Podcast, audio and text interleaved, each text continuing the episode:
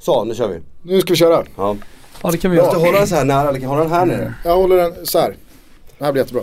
Det är ju lite jobbigt att sitta så här Ja jag nere. vet. Mm. Mm, Nej, det är- det är... Kan man liksom, och så, Alltså, Om vi har ju armen stativ. så, Så, så har eller? den som stöd liksom. funkar det här eller? Nej. Nej, Det blir inget bra alltså. Nu kändes du som typ min eh, gamla så här, tränare som faktiskt, det spelar ingen roll om det blir bättre, det är så för lättsamt ut så att det måste vara jobbigt. Nej det här det där går inte. Vilka genvägar. Så, nej. Håll den bara. Det är skönt, jag visste inte att du var så jävla anal Gusten. Gustav men när är superanal. När det är min, när det är min, till mig när det är min produkt. Då, alltså, jag vill att den ska vara så bra som möjligt. Ja. Vi har ett Jag känner ansvar, att du gör en falsk marknadsföring, du är ju en anal typ ju. vi har ett ansvar gentemot vår miljonpublik. Vi kan inte liksom Garvar du? Nej jag tror det, jag tyckte bara att det var skönt att det, Jag har ju sett, vad jag sa inledningsvis, ni har ju typ ett följe som är, det, det är som en sekt ju. Ja. Ni Alltså, är ju typ eh, det- men det- det som har hänt nu- i, i en, här, ni är ju, ni har ju största fåran av följare i svensk fotboll. Och den är ni gudar, ni, är som- det är ju som en sekt ju. Kanske, alltså På största vet jag inte. Ja, ja, eh, men absolut mest lojala. Ja men största skulle jag Alltså, säga Thomas också. är ju någon slags fotbollsmedians Helge Fossmo. Helge Fossmo, vad fan är det då? Det är ju huvudmannen i Knutby. Alltså i. Knutbydramat. Vem Alltså, vem är du då? Kristi brud? Ja men alltså Helge Fossmo tryckte ju inte på avtryckaren. Han beställde ju bara morden. Vet, jag han, bodde han manipulerade ju Kristi brud eh, och barnflickan. Jag berättade ju i något så här poddavsnitt, jag bodde ju i, nej jag reste jorden runt när Alexandermorden skedde. Mm. Så att, och då eh, fanns inte internet på samma sätt, man gick in på en internetcafé på någon sån här 26k mo- modem. Mm. Mm. Så jag missade ju det. Och sen så kom jag hem ett år senare och då hade jag ju slutat rapportera om det, lite sådär. Och man lusläste inte nätet, Aftonbladet och sånt där på samma sätt som man gör nu för tiden, det var inte samma informationsflöde. Så jag missade det, det var ju fyra år senare bara, det här med Alexandermorden var en dokumentär, vad fan är det för någonting? Så jag hade missat det helt. En annan grej som jag missade när jag bodde i Italien var ju just hela Knutby-grejen. För den skedde under min, mina Italienår där. Eh, Så, att så den det- fick jag också reda på senare. Den då jag var ju så tröst, alltså det var så tröttsamt att följa det där i, media. Men vad är, vad är nutidens... Uh, Ja, fan vad- fan vad jobbigt för dig, Martin. Knutby har ju varit Arboga-kvinnan. Ja men lite, men jag menar att det sker en överrapportering, alltså nyhetsvärdet är ju ute så länge sedan, sen är det bara snaskvärdet. Och det snaskvärdet var ju enormt i Knutby, nu den här äh, kvinnan. Man Och vet du vad som tar inte. över nu? Det nya. Vil, vilket var, alltså kvällstidningarna måste jublat åt det om de har dåliga siffror. Då kommer ju ubåts, Ja, ubåtsincidenten. Alltså, i det Danmark. måste Ja ju- den kommer ju rulla på också. Det måste ju hela tiden finnas den här X-faktorn i eh, Men, mordet. Ja men X-faktorn är ju snaskig, det är det som Nej, nej men ju. så här, fast, fast det finns ju mord utan en X-faktor. I Arboga då är det att hon har liksom lejt en yngre pojke, de har dödat hennes föräldrar. Här nu med Kim Mm. Det är Wall, ganska det, många X-faktorer Ja, då finns det en ubåt så här, i, i Knutby, där, det är ju the perfect storm. Alltså det är, det är otrohet, det är sekt, det är, relig, det är religion, Det är mord. det är mord. Liten alltså, jävla det är, ort, allt det där som storstadsmänniskorna ser ner Läckberg på. hade ju inte kunnat skriva det där. Nej men alltså så här. Knut, Knutby är ju, ja, det, är, det är otroligt fascinerande. Och jag vidhåller, Thomas är ju liksom fotbollsmedians Helge Fossmo. Men tillbaka till det jag, jag Det finns, ju, på. det finns ju någon dåre där ute som hade tryckt av ifall Thomas hade hejat på tillräckligt. Skjut Gustav. Väck inte tanken nu bara.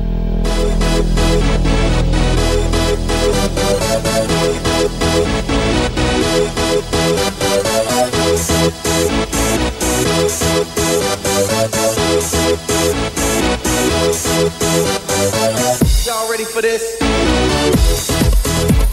Då säger vi välkomna till eh, Toto Balutto. Det här eh, ska ju vara egentligen i eh, liksom ordentlig ordning avsnitt 100. Vi har ju dock valt att pausa avsnitt 100. Vi kallar det här för avsnitt 101. Och eh, vilket bättre sätt att börja det nya 100-talet än att välkomna hit Martin Åslund för andra gången. Stort och varmt välkommen. Tack. För er som vill lyssna på faktaruta och ett mer eh, ordinärt gästavsnitt så rekommenderar vi väl alla att gå tillbaka till tidig januari 2017. Mm. Eh, då Martin gästade oss första gången. Det var ett väldigt trevligt avsnitt. Ja det var det, det var ett uppskattat avsnitt. Sen har det hänt mycket med podden, vi har eh, tre gånger så många lyssnare nu. Så det är säkert många som har missat det. Eh, men de som hörde av sig efter att ha hört det uppskattade det mycket. Så det kan vi absolut rekommendera. Var jag startskottet på att ni tog fart eller? Ja du, du var lite Katalysatorn. Ja, ja exakt. Låt oss vara ärliga, Niva var ju där två veckor innan. så att, eh, det var väl mest att jag du, gillar du red att du är så anal och så ärlig Gusten, det är ja. bra. Nej men ibland så måste man bara, nej, men sen, it like it is. Sen alltså, nummer, siffermässigt eh, så är ju Martin då avsnitt nummer 100. Också roligt att han erbjöd sig att komma till avsnitt jag nummer 100. Jag tjatade in mig kan man säga. ja alltså en businessman vet ju vart liksom de rätta skådeplatserna finns. Exakt. Vad annars får man 250 000 i räckvidd? Ja, exakt. Nej, det, är, det är en väldigt uh, aktuell Alla annonsörer där ute, de här är underprissatta, så köp nu. Köp, köp nu innan, innan, innan Martin blir vår konsult. innan priset går upp. Hur som helst, idag så ska vi fokusera på Serie A, säsongen 2017-2018. Vi har tidigare gått igenom Premier League med Jesper Hoffman, La Liga med Adam Pintorp och Bundesliga med Adam Nilsson. Eh, ska vi bara börja med att eh, fråga er eh, Italienälskare rent generellt eh, vad ni känner kring årets eh, säsongsupptakt. Om vi börjar med Martin. Uh, nu var det en fråga vad jag kände om upptakten, inte om jag är Italienälskare. Eller nu hängde jag inte med. Nej, om säsongsupptakten. Uh, I Italien alltså. Att den har, Italien, ja den, den har varit rolig. Det har varit ett uh, Från att ha varit en nettosäljande liga och jag antar att era lyssnare är begåvade nog att förstå vad det är. Så har de ju helt plötsligt varit en nettoköpande liga i år. Än så länge, fönstret har ju inte stängt ännu. Innan du fortsätter, har du hört eh, anekdoten om Erkan Sengin och Nej. Netto? Nej. Min brorsa spelade ju i Hammarby Ja. med eh, Erkan. Isak. Ja, precis. Mm. Och eh, så satt Erkan i kontraktsförhandlingar på eh, Hammarbys kansli och kom ut efter att ha då skrivit på för tre nya år. Eh, och sen så mötte han Isak utanför och så sa Isak, ja ah, men hur gick det? Ja, ah, jag skrev på för tre nya. Men jag måste fråga, vad betyder netto? så att eh, alla där ute har ju inte koll på vad Nej. netto är. Nej, förlåt.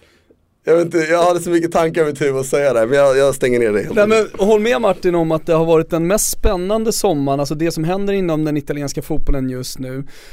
Eh, dels med nya ägare, alltså ny, nytt kapital in som du skulle säga i den italienska fotbollen. Eh, och det har ju då också lett till eh, en, en ganska rejäl liksom, sportslig eh, ja, men, höjning vad det gäller topplagen. Sen behöver inte det betyda att alla ska leverera år ett, eh, för det, det, är många som har precis börjat, låt oss säga då, sin, sin nya sportsliga satsning. Men det är ju roligt att se Serie A-lagen igen, vi som älskar eh, den italienska ligan, det är roligt att se Serie A-lagen igen vara med och kriga om, kanske inte de bästa spelarna i världen, det är fortfarande inte på Mbappé-nivå så att säga, eh, och, och de miljardprislapparna. Men, men de, Inter lyckas behålla Perisic trots att eh, United eh, är där och har tryckt på hela sommaren. Eh, Icardi är kvar i, i Inter också. Kolla på, på Juventus som jag tycker också på något sätt ändå fortsätter, han värvar från Bayern München. eh, Och PSG. Ja, och PSG också. Det, det, det, det är en spännande och ganska oviss eh, liga som väntar. Ja, ja det är det väl. Även om jag måste säga att Juventus, även eh, med upprustning som har skett och Juventus eventuella sjunde, eller vad det nu är, titel som, alltså det finns ju massa grejer, saker som gör att Juventus rimligtvis borde ha svårare att nå en maxnivå. Så är det, de är ändå före tycker jag. Så det, det är ju mycket möjligt att vi står med Juventus som slutsegrare med 10 poäng före de andra. Men jag tycker absolut det du nämner, Napoli har inte sålt av för första gången någonsin. Eh, någonsin, men på många, många år. Eh, Inter rustar för, jag vet inte vilken gång i ordningen, men de fortsätter rusta på ett smart sätt. Jag tycker truppen bara blir bättre och bättre. Och Milan har gjort en jättesatsning. Eh, de har gjort små, de har ju satsat senaste åren också en del. Förra året så köpte de ju, eller om det var förrförra, Förrförra, förrförra köpte Ja. de rätt dyrt. Ja exakt, Romagnoli, Betlacci, de köpte fel sorts spelare, det är bättre än gången. Men eh, det är ju just det där att, att det är alltså Napoli, Juventus, Roma. Roma vet vi inte riktigt ännu men de borde rimligtvis vara där omkring. Och så Milano-klubbarna är ju det är ändå liksom, de, ska italiensk fotboll återta mark i Europa så måste Milano-klubbarna vara med. Och det pratar inte om att de, att de andra inte kan men det är ju för att de har, de har ju sådana enorma resurser. Så att de behöver vara någonstans Alltså Napoli ska vara före bra skötta Napoli, eller Milano-klubbar för att kunna konkurrera om, och Roma också då för att komma, konkurrera om, om eh, toppplatser i Champions League. För det är min fasta tro, jag, jag har ju till de här som tror att det är ett av PSGs största problem är att de inte får kontinuerlig matchning. Alltså så att de inte får matcher på en riktigt hög nivå som gör att det är svårare. Det är klart att de får vila mellan matcherna och det kan vara jobbigt när Chelsea ska spela en åttondel i Champions League och de har City United runt sina matcher. Just där och då är det jobbigt. Men för en hel säsong så är det mycket bättre för kontinuerligt bra matchande. Det är ju bara så. I bra miljöer växer bra spelare. I bra konkurrens blir bra spelare bättre. Det tycker jag är en, en, en sak folk glömmer bort. Så topplagen i Italien borde tjäna på att Milanoklubbarna är bättre och konkurrensen skärps. Mm. Och det tror vi, jag håller med dig om att så här, på förhand känns det som att det sker. Sen vad utfallet blir ja, men sen, det, det är lite så upp till Juventus. Alltså jag, jag, håller med dig, jag tror att Juventus, eller jag tycker att Juventus fortfarande är det mest stabila projektet. Det känns som att man har pratat väldigt mycket och det är inte konstigt heller om, om till exempel Milan under sommaren i och med att de har köpt ett helt nytt lag. Eh, man har pratat mycket om Napoli nu eh, för att de har kvalat till Champions League och de ser sådär härliga ut. Eh, de, de spelare som jag tycker Europas härligaste fotboll, sen kanske inte nödvändigtvis eh, den mest vägvinnande. Ska du inte Men, köra din briljanta liknelse? Tsunamin. Som du har tagit från någon annan. Ja. Från dig då antar jag. Ja, jag tog den in i en krönika. Skamlöst. ja, men han tyckte det kändes som att det kom en tsunami när, när Napoli anföll. Och det, ja, men det, det, är en bra liknelse, alltså de är väldigt svårstoppade eh, och det finns så otroligt mycket speed. Eh, men, men, men, att det finns en stabilitet i Juventus som de andra klubbarna inte är nära riktigt än, det, det, det är inte konstigt. Eh, jag menar, det, du, du köper inte till dig den stabiliteten på, på en sommar. Däremot, däremot så vet jag inte, för om man har följt den italienska ligan länge som vi har gjort, alltså ibland så kan det vara bra att byta ut tränare. Man vet inte riktigt om, om, det, här, om det här har gått ett år för långt, om det här blir ett år för mycket för Allegri. Eh, vad händer, för det har funnits perioder när Allegri har varit kritiserad, när resultaten inte har gått så superbra. Alltså över en hel säsong kanske har varit en månad när det har varit lite sämre. Och jag känner lite när, när jag känner av klimatet runt eh, Juventus att man är lite snabba på att döma Allegri. Att det finns någonting där, det finns någon liten nagel som folk har mot Allegri. Att det, att det blåser lite för snabbt mot vad det borde göra. Det jag tycker han borde ha större, kanske, jag vet det inte. Det får ju honom att skärpa sig möjligtvis. Absolut, D däremot så gillar jag ju när säsongen börjar, de står för en eh, oerhört liksom, stabil eh, säsongsinledning och Allegri pratar om att vi måste jobba hårt. Han går tillbaka ett steg istället för att ta in då nyförvärven med Douglas Costa och sånt där så kör han, ja men 3-5-2 eller du vet han, han, han, han fortsätter på egen väg istället för att revolutionera för mycket. I fjol, då revolutionerade han ju runt jul nyår när han bytte eh, spelsystem. Och under hösten så lät han det, han, han har varit bra på att hitta den tajmingen tycker jag. På något sätt. Ja, det, och det, jag håller med om att, att, att det, dels det, men också det här med, det är intressant att Allegri är tidigt ifrågasatt. Det finns en slags eh, misstro mot honom. Eh, inte bara i Juventus-läget utan generellt att man gärna tror att nu är det här vägsände. Så här, över tid så har Juventus under Allegri i alla fall tagit steg varje mm. år. Eh, och så här långt, så här tidigt på året har de aldrig sett och samspelt ut för han har varje år de två första åren blev han av med, med nyckelspelare och tvungen att hitta en ny balans. Förra året, året blev han inte av kanske med nyckelspelare, det blev han också Pogba i men han köpte också in kvalitet på ett annat sätt. Förra året var första året de verkligen satsade tyckte jag. Mm. Och köpte in färdig kvalitet. Ja men såhär Champions League finalsatsare. Ja exakt och, och, det tog ju tid att få ihop balansen på det. Möjligtvis lite längre än man kan ha önskat men han hade den på plats när det behövdes. Eh, och i år startar de på en annan nivå. Och därifrån, nu är, och det är också då, nu förstår man kan kanske säga att han faktiskt misslyckas då. För att i år så, nu står de på en plats där att de ska nå Champions League semifinal nästan för att bli godkänd eller mm. godkänd och få bra betyg. Och det är en annan kravbild. Och, så att, men, och det är lockande att tänka så här, är det nu man byter, är det sen man byter? Och som sportchef för ett sånt projekt skulle jag tänka, hellre tänka att, att byta lite för sent än lite för tidigt. Det är bättre att låta någonting gå lite för långt. För jag tror nästan det är omöjligt att pricka den absoluta piken. Och då är det skönare att veta att det är en nedgång. Dels för att man aldrig i framtiden kommer att undra om fan bytte jag för tidigt eller inte. Till exempel. Och man kommer inte bli ifrågasatt heller. För byter du för tidigt och du skulle ha flugit vidare och det nya inte funkar. Då kommer folk prata om att man byter för tidigt. Då är det bättre att gå och veta att man går över piken. För så lätt tror inte jag att jag identifierar det. För alla Premier League-fantaster och folk som inte har eh, synat Juventus jättemycket tidigare, eh, så kan vi väl bara, eller under sommaren, så kan vi bara nämna det att de har köpt in Douglas Costa från Bayern München, Matuidi från eh, PSG, eh, De Chilio från Milan och sen så, det, det, det är väl liksom de, och Bernardeschi från Fiorentina för all del också som är en av de, de stora italienska talangerna om man får se honom som talang fortfarande. Hur ser du på den eh, värvningen? Ehm, Ja, jag, jag, jag, tror inte han kommer få så jättemycket speltid initialt eh, och sen så kommer det vara tufft att slå sig in där med tanke på, säg att de ska spela med tre bakom Iguain. Då är ju Dybala självskriven den här säsongen. Eh, jag tycker också att eh, Ja, det känns som att Douglas Costa har en mer självklar plats i det laget än vad Bernardeschi har. Han har kommit lite längre i sin karriär. nu pratar du om hans sportsliga möjligheter som mm. Fiorentina-supporter då? Nej men som Fiorentina-supporter så alltså, jag, Thomas har ju checkat sätt, ut emotionellt. Nej men lite från För att skydda sig själv. Tappa, Aha, var det du menade med Hellasvimpen tidigare? Ja exakt. Nej men jag, jag, tror att man blir ruttad alltså med den moderna fotbollen. Alltså hade det här varit för tio år sedan då hade jag varit mycket mer känslosam kring en sån flytt. Och då gjorde vi en del eh, affärer med eh, eh Juventus. Alltså när till exempel Felipe Melo var jättebra en säsong i Fiorentina och sen sålde vi honom Men ni sålde till... aldrig Jovetic till exempel? Nej, och där har ju faktiskt, eh, där har ju Della Valle-familjen hela tiden stretat emot. Men nu har ju Fiorentinas ägare checkat ut, de har officiellt sagt att klubben är till försäljning. Eh, och det, det kunde man se under sommarfönstret här nu. Till exempel i eh, Bernadeschi-fallet, i Borja Valero-fallet. Att tidigare när man har haft jättehöga bud och sportchefen har velat sälja Eh, på till exempel Luca Toni, Moto till Roma, eh, så, så, har till slut Della Valle klivit in och sagt nej, du stannar kvar. I, Luca Toni var till Inter eh, efter att han hade gjort 30 Fem. plus 35 var det. Mm. Så, så att det, det, där, det, det, och, det, och då känner man som Fiorentina-supporter känner man att man, eller jag känner att jag, jag tappar lite just det där käns, känslomässiga. Det här har ju också märkts i den Skoda som du eh, kör runt i, i, i, Stockholm. Då alltså det har, nu, nu pryds eh, framrutan av en Hellas Verona-vimpel. Strax under Lega Nord. Eh, Exakt. Fiorentina och Hellas har ju ett så kallat Gemelaggio, eh, vänskapsband. Mm. Eh, eller vad man ska säga på svenska. Ett friendship.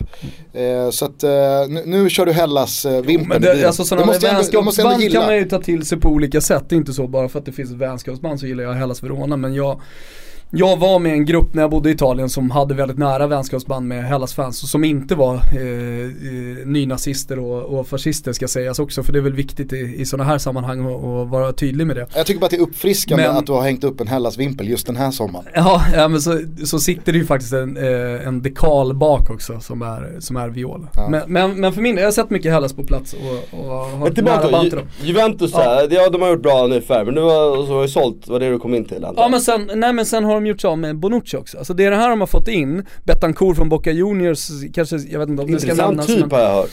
Ja, och hyllas lite sådär från träningar. Ja exakt, ja, som men... att de ser att någonting, här finns en superpotential som ligger och lurar liksom. Men då, eh, då, ska man komma ihåg att en sak som jag tycker Allegri har varit bra på, som han har blivit kritiserad, eller blev kritiserad för, det är att slussa in kanske yngre spelare som inte riktigt har varit redo. Mm.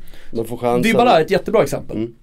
Var, han fick lite kritik i början ju, när eh, Dybala kom från Palermo till Juventus och alla förväntade sig att han skulle gå in i start, eller förväntade sig, men många supportrar hade sett fram och se honom på planen och sen så tog det ganska lång tid. Han själv började skruva lite på sig, eller om det var agenten. Men, men sen, sen fick han chansen. Eh, jag tror att Bernadeschi kommer gå lite samma eh, väg till mötes. Så är det samma höjd där eller? Ja, det gör jag nog.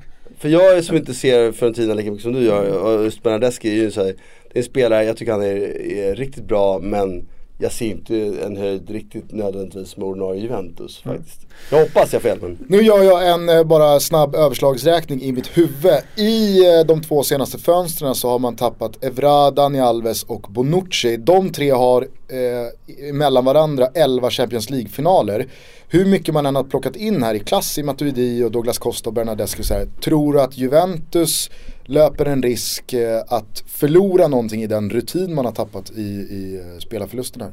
Jag tycker att de löper en risk för det. Sen när man ska värdera den risken, jag, det, det, är rätt lätt att peka på sådana saker som, som är, är, blir hårda fakta utifrån men som inte har någon riktig bärighet ibland internt. För att, alltså, är sånt överskattat?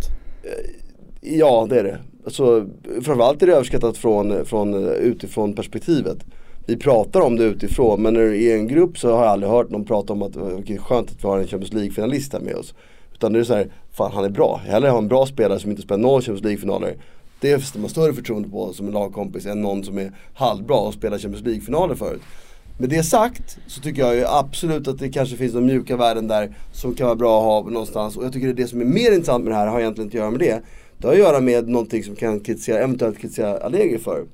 Han verkar ha historiskt svårt, alltså det är bara från ett utifrån perspektiv nu. Mm. Eh, svårt med eh, nu fick jag peka mig på mikrofonen här. Eh, men har historiskt svårt på, på, att hantera eventuellt stora personligheter. För att det är ju, det är ju så här, ju äldre du blir desto mer erfaren du blir desto mer synpunkter har du rimligtvis.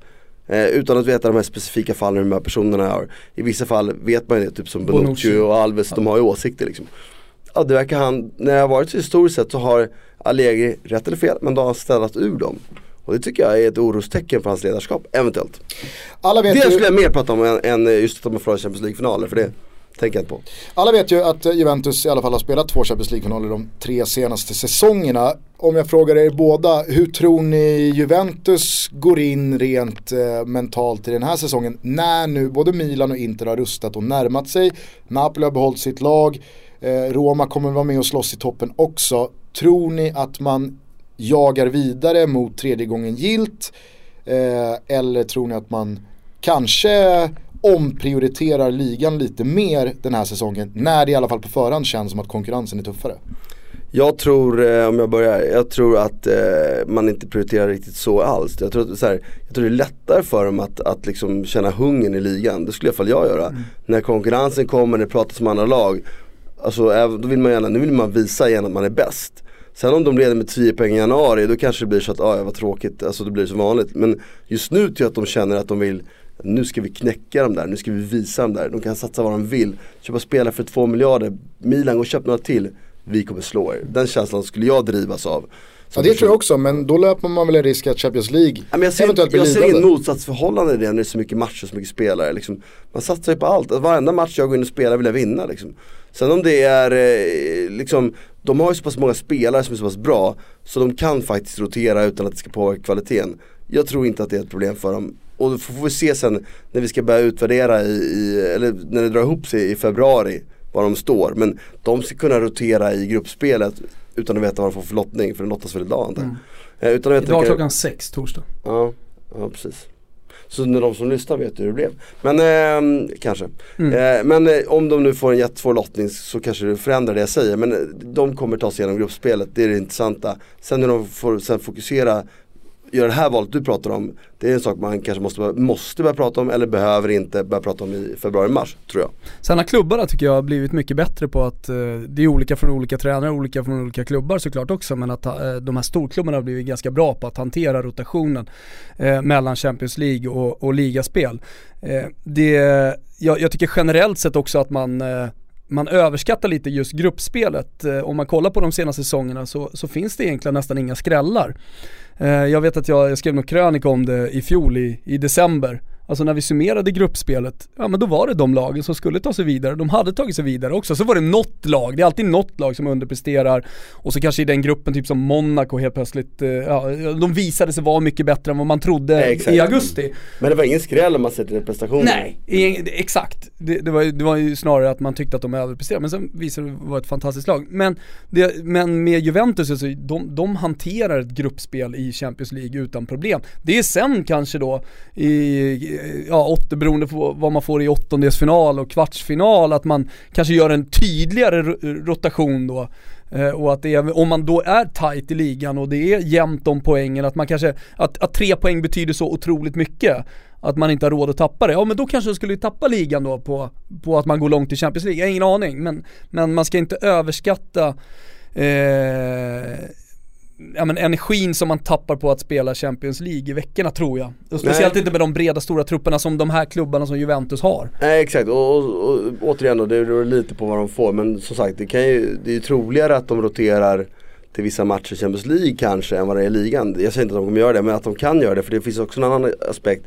Du behöver ge du kan ge spelare nummer 14 till 18 matcher i ligan mycket lättare. Men om du vill ge den spelaren någon form av internationell rutin så kan man ge det i de här första grupp, gruppspelsmatcherna.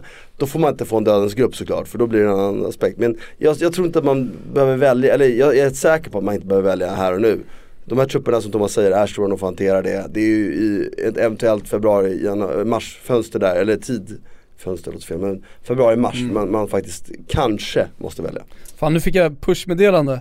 Jag tänkte säga jävlar nu har det hänt grejer här. Eller grejer, det har hänt något tragiskt. Men eh, jag läste fel.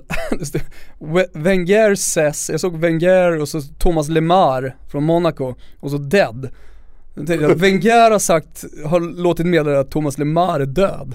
Jag tänkte såhär, fan, men det var, det var en dealen, livlig dealen som har spruckit i, med Thomas Lemar. Att Det var en livlig det- fantasi där som eh, drog den Ja men ibland, eh, det är så mycket Arsenal kallar till presskonferens. Wenger kallar till presskonferens. Alltså Wenger Thomas knackar i Lemar micken. is dead.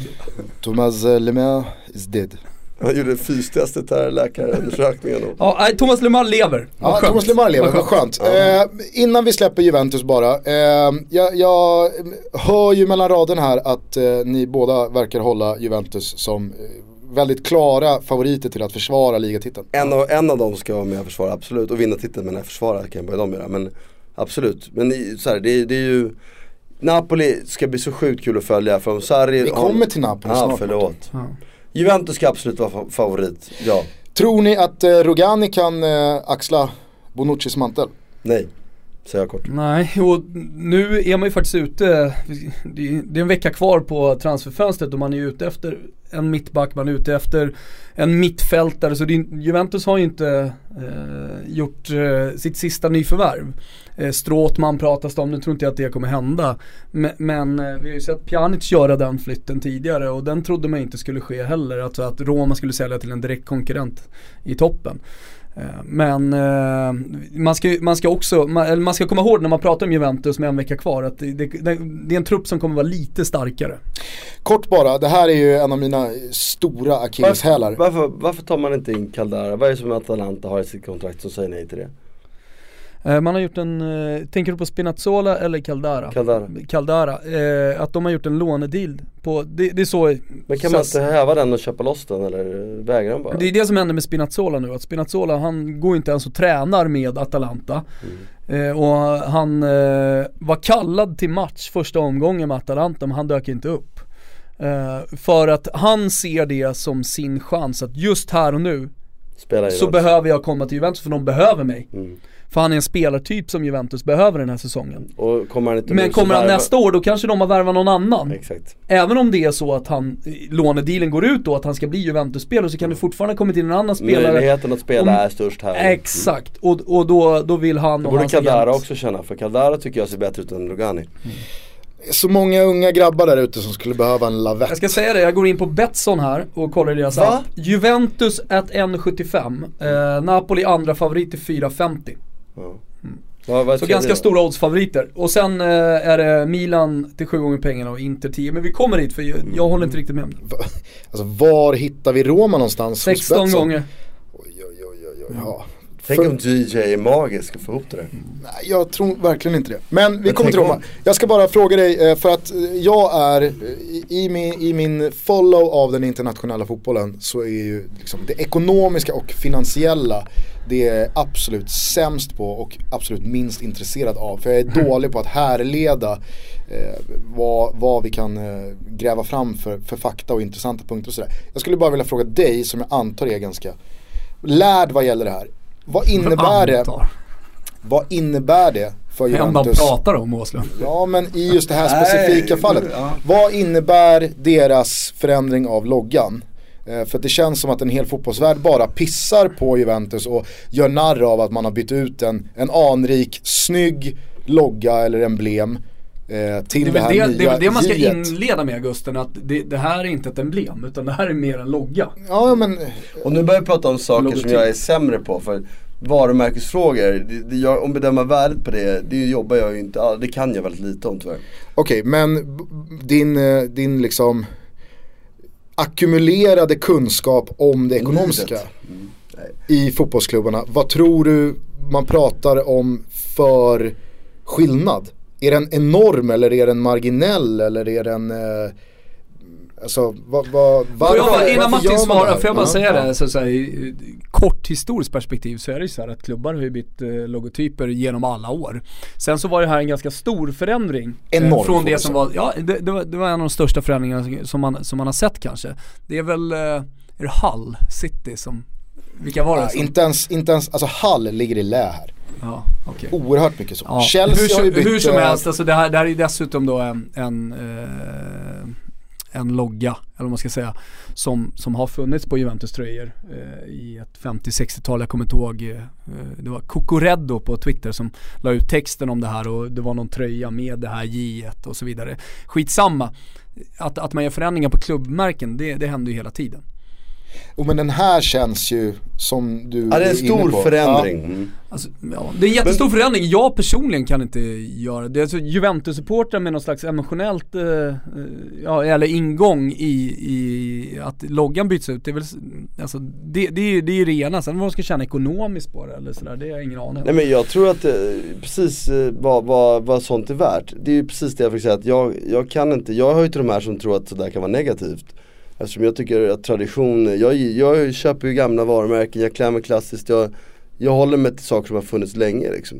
Och nya trender är där, trender som kommer nytt, eh, som tatueringar överallt, det är en trend, folk kommer tröttna på det liksom. Och det är lite det jag känner med varumärket, att det, det, jag kan inte riktigt förstå värdet av det. Vi får väl utvärdera det sen då. Sen tror inte jag att, att det står och faller med det. Och är det någon klubb som eh, skulle kunna göra det så är det väl Juventus för att de har ett, ryk, alltså, de har ett traditionellt rykte om som att alltid framåt. Alltså det finns liksom inte, din, estetiken är inte det viktiga utan vad är bäst för att ta oss framåt för att vinna. Men svar på din fråga, jag kan inte värdera det. För mig skulle jag personligen säga att den är negativ men det är den ju inte för det skulle de inte göra. Om du kommer över någon slags matnyttig information kring det här så får du gärna skicka in det under hashtag Totobalutto på Twitter då. Det ska jag absolut göra och tips för alla som kollar det är ju bara att läsa, följa typ någon som Swiss Ramble som gör så här genomgångar ibland. Mest Premier League men den görs ju på andra klubbar ibland Juventus är en sån klubb och sån omgörning som om två, tre år de skulle kunna få för sig att göra. Jag tycker vi tar oss till andrahandsfavoriten eh, i Neapel. Napoli har fått behålla hela sin trupp.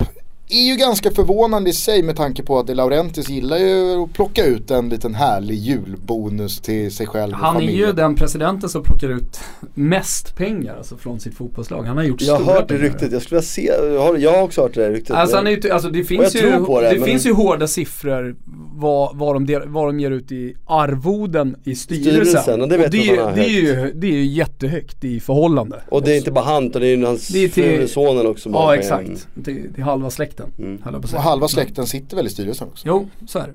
Men det som är anmärkningsvärt när man kollar på Napoli och dels då det som du sa, man kollar på tidigare säsonger hur man har gjort. Eh, men alltså hur, hur lag brukar agera under sommaren. Det är att på Chessiani, alltså försäljningar, så står det ingen. Alltså in, inte en spelare. Och, och kollar man då på vad har man tagit in för någonting? Ja det är Onas och Mario Rui. Det är två spelare. Och jag tycker de två är lite spännande. Mairo är ju en sån spelare som i Empoli under Sarri såg mycket bättre ut än han har gjort någon gång senare. Jag menar, jag trodde han skulle vara bra i Roma. Han var ju Han har otur med skada. Ja, ja, sägas. men han var ju inte bra när han fick spela. Men det, där finns det ju en uppsida som är intressant att följa, eventuellt. Och Ona säger de är en supertalang och sett jättebra på träningar. Sen har vi Rogg som har blivit ett år äldre och kommit in i det. Kultspelare i Napoli. Ja, så är det. Det, är om Det tog väl ungefär 45 minuter Mm. för Rogg att bli den här kullspelaren. Han var väl borta mot Juventus va? I, i, Ja, ja. Hard rock. eh, ja. ja. Men Zielinski ett år äldre och så, så en bra tränare med bra spelare, får tid, utvecklar steg för steg för steg. Och det, en sista grej jag vill bara säga där är ju att Mertens var ju faktiskt, alltså han gjorde ju typ, gjorde han 30 mål totalt sett förra säsongen nästan med alla ligor och cuper och allting. Och det, han blev omskolad i oktober, eller vad var det? Som en nödlösning. Det tog ju några månader att komma in i rörelsen. Konkurrerade ju bakom Insigne. Som en bra inhoppare. Med superform. Men du vet, och nu startar han som nummer nia från dag ett. Det är ju rimligt att tro under Sarri att han kommer vara bättre än vad han var i slutet av förra året, i slutet av det här året. Och finns det sån uppsida att hämta då gör han 30 mål i ligan i år. Så att det finns uppsida. Det som är emot det är att jag tycker fortfarande inte har löst den här känslan av när matcherna går i stå, när Napoli inte har fått utdelning, när de inte har dödat matchen. Så känns det lite lätt att komma till målchanser mot dem fortfarande tycker jag. Och där blir jag lite stressad för klarar man inte det så kommer de fortsätta göra matcher, tappa någon till 2-2 eller bara få 1-0 trots en superdominans. Så får man 1-1 i någon match och får man det i 2-3 matcher för mycket Ja, då hänger man inte med Juventus och vinner. Ja, det är ju det som har hänt de senaste säsongerna och där har man inte stärkt sig heller. Nej men är inte det också klassiskt att man har en försvarare i sina defensiva led som utmärker sig. I det här fallet Koulibaly som är en ganska spektakulär mittback och som kan göra sådana monstermatcher som gör att man kanske glömmer bort att När här finns det stötbrytningarna sitter, då jävlar. Ja då ser det ut som att, ja men det här Sen är ju ut i lugnt. världen. Men över en hel säsong, om du ställer Napolis defensiva uppställning mot inte bara Juventus utan flertalet andra klubbar. Så känns det som att det där kommer inte hålla i längden. Koulibaly kan vara världens bästa mittback i 90 minuter här och där. Men som fundament i generella termer i laget så är jag inte jag övertygad om att Napoli kommer hålla defensivt. Nej. Man skulle vilja ha haft en tredje mittback av minst samma kvalitet eller ändå som går före dem kanske. Eh, man skulle vilja haft en fjärde som också kanske, eller så måste någon av dem som de faktiskt köpte in. Maximovic är en sån spelare som eh, Köpte sig in för att vara ordinarie. Eh, exakt och inte har tagit steget riktigt. Och sen är ju Reina för mig heller inte en, en målvakt som går att lita på för att vinna saker. Han, han kommer vara bra, han är jättebra för det sättet att spela, han är duktig med fötterna men han är också en målvakt som med lite kort räckvidd, gör lite spektakulära grejer, söker saker. Jag litar inte på honom fullt ut. Så Napoli, att de ska vinna ligan, eh, det kräver ändå att Sarri är, fortsätter vara gud liksom. Och det är jag inte säker på att han Det kan var en vara. jag jävligt rolig grej som hände i matchen mot Nice, just det här med spektakulära. Alltså i ett läge så går eh, Peperina en mot en. Alltså Napoli leder 2-0, det, det är klart de kommer ta den här matchen. Och så går han en mot en mot, eh, jag kommer inte ihåg vem anfallaren var i, i, eh, i Nice. Och sen så kommer han på sig, eller om man hör Sarris ord eka i huvudet och sådär, så han bara lägger ut den till hörna istället. Men han tar, man ser, han, han, han fäster blicken i att nu, nu, ska, jag- nu ska jag finta honom. Nej, men det, Eh, är- och, det, och, och, och som sagt, därför så jag har, det, det är ändå mycket som, det måste till att de här spelarna har, som har, finns i laget blir ett steg bättre eller två steg bättre i vissa fall. Det kräver att de inte får några skador på någon nyckelspelare. Och, eh, och att de inte säljer någon nu då. Jag menar, det, det, är inte, det är inte helt slut än Vi pratar ju om eh, Mario Rui eh, och det är en spelare som alltså eh, blommade, ut, eller blommade ut men i alla fall fick sitt genombrott i Empoli under Sarri när eh, Napolis nuvarande tränare var där. Eh, och så har han då kommit in så det, det är en tränarfavorit som han har köpt. Men under försäsongen, en av de bästa spelarna i Napoli har ju varit Golam. Som man har förväntat sig Napoli ska sälja. Man kan få in lite kapital på, eh, på, på, på en sån försäljning och kanske göra en annan, annan värvning. Men, men eh, nu, nu är han som är ordinarie. För att han har varit så överjävligt bra där på vänsterkanten. Och det känns ändå rätt tryggt här. Och någonstans, vad de föll på mot Real Madrid eh, är en faktor som de behöver avhjälpa. Där måste ju Diawara ta ett steg till också. För att i de matcherna behövs han Jorginho är bättre med, med boll tycker jag. Jag tycker han är underskattad, sjukt underskattad. Han är ju typ en spelare som ska spela ännu mer spel för en lag, eller det finns ju knappt men ett lag typ som Barcelona, men han har de fötterna faktiskt. Men sen kanske inte han har andra bitar som han behöver för det. Men sen så, det är ju Diawara som behövs för att fattar när de anför mot Real Madrid så må, och har de två ytterbackarna som offensivt är rätt bra men inte så bra defensivt. Koulibaly och Albiol, då måste den centrala mittfältaren vara överjävligt bra. Det var han i första halvlek när de möttes. Så bra måste den defensiva mittfältaren vara för att de ska slå ett lag som Real Madrid. Eh, och kanske lite bättre till och med. Och det är svårt att se det här laget göra och det måste man nästan vara då mot Juventus också. Och sen har man det där när vi pratar om, vet, ska de här backlinjerna verkligen hålla i 90 minuter i varje match. Helt plötsligt gör de bara 1-0 mot Kiev och så kontrar Kiev in i 1-1. När eh, Tirol inte är Det är kvar. otroligt att Kiev vann premiärmatchen, ligger under, de vänder på det. Mm. Eh, de, Åsnorna flyger i år igen. ja, de flyger varje år. Eh, I senaste avsnittet så eh, ställde jag i alla fall frågan i svepet att det här kanske kan komma att bli säsongen då Lorenzo Insigne slår igenom på en global front som en av världens bästa på sin position. Hur högt, om vi börjar med dig Martin, håller du Insigne? Han är bäst i världen på att spela bollen i en viss yta i fart och steg. Den känslan i foten han har, liksom att kunna göra det steget. Det är han bäst i världen på redan nu. Eh, sen så måste han ju upp liksom, i nivå i övrigt. Så han måste kunna, när han är under press och möter världsbackar, måste kunna spela bollen till honom han ska inte kunna bli av med den då. Han behöver inte alltid gå förbi men han måste kunna hålla av, klara av pressen, släppa, gå, få tillbaka, skapa ytan. För någon gång under de matcherna sen då man grejar det, kommer han få ett läge när han kan driva mot någon, vicka och så passar de här bollarna. För det är han fortfarande, alltså det är han bäst på i världen tycker jag. Nu är inte eh, landslaget en lika stor angelägenhet som alla respektives klubbar, men hur ser man på Insignes status nationellt här nu? Ja, ja precis. Man har faktiskt eh, pratat om det rätt mycket i media nu under sommaren. Där kan Thomas, jag kan ingenting om det här faktiskt. Jag bryr mig ja, inte nej, om landslaget nu. Ja men precis. Nej men eh, och, och jag, där, säga, jag, jag bryr mig faktiskt inte vad Thomas säger. Jag, jag, såg någon, jag såg någon jämförelse, nu ska vi absolut inte komma dit, men jag såg en jämförelse med en aktion i alla fall där Maradona har bollen ute till vänster och sen så hittar han in med ett perfekt inlägg, alltså det som har blivit lite av Napolis signum. Insigne med bollen till vänster och så, så kommer inlägget till det som Martin pratar om, de här ytorna. Och han är ju, han är ju en, han är ju en sniper som ingen annan. Han sätter ju den exakt på den ytan där Cajon kommer. Och så många mål som Cajon har gjort tack vare Insignes passningar är otroligt. Men vi ska heller inte glömma bort att Insigne gör ju de här hockeyassisten också som inte alltid räknas. Jag vet att Martin och jag, vi satt i, i Rom en gång och hade delade meningar lite kring så här, vad händer med Insigne?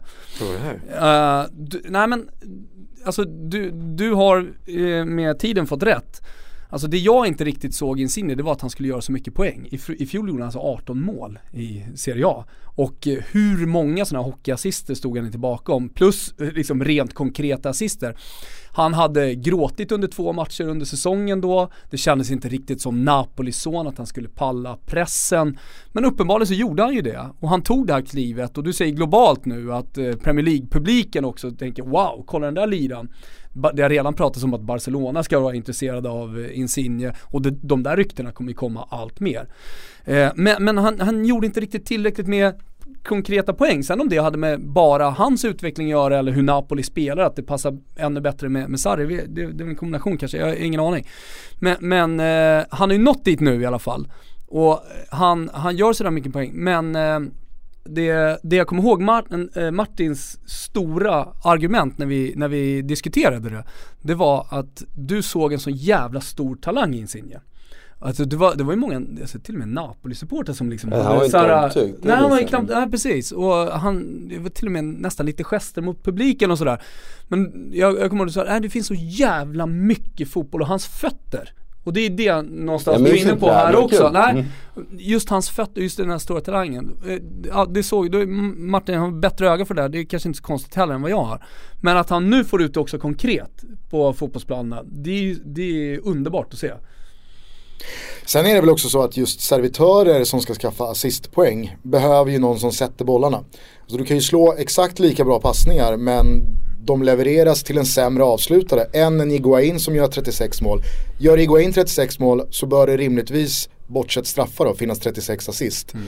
Eh, nu har ju han haft en Mertens, en Milik och en Iguain eh, att, som, som adressat de senaste tre åren. Men det roliga, med, det roliga med Napoli nu, det var ju att man kände ju, det kändes som att de värvade för att ha ett spel Eh, för att sätta en nummer nio i lägen. Alltså både Kajon, också som avslutare, men, men Kajon, du har Hamsik, du har Jorginho, du har Insigne. Så många som kan spela en nummer nio och sätta en nummer nio i superlägen. Och så värvade man Milik, Pavoletti skulle stärka upp Milik.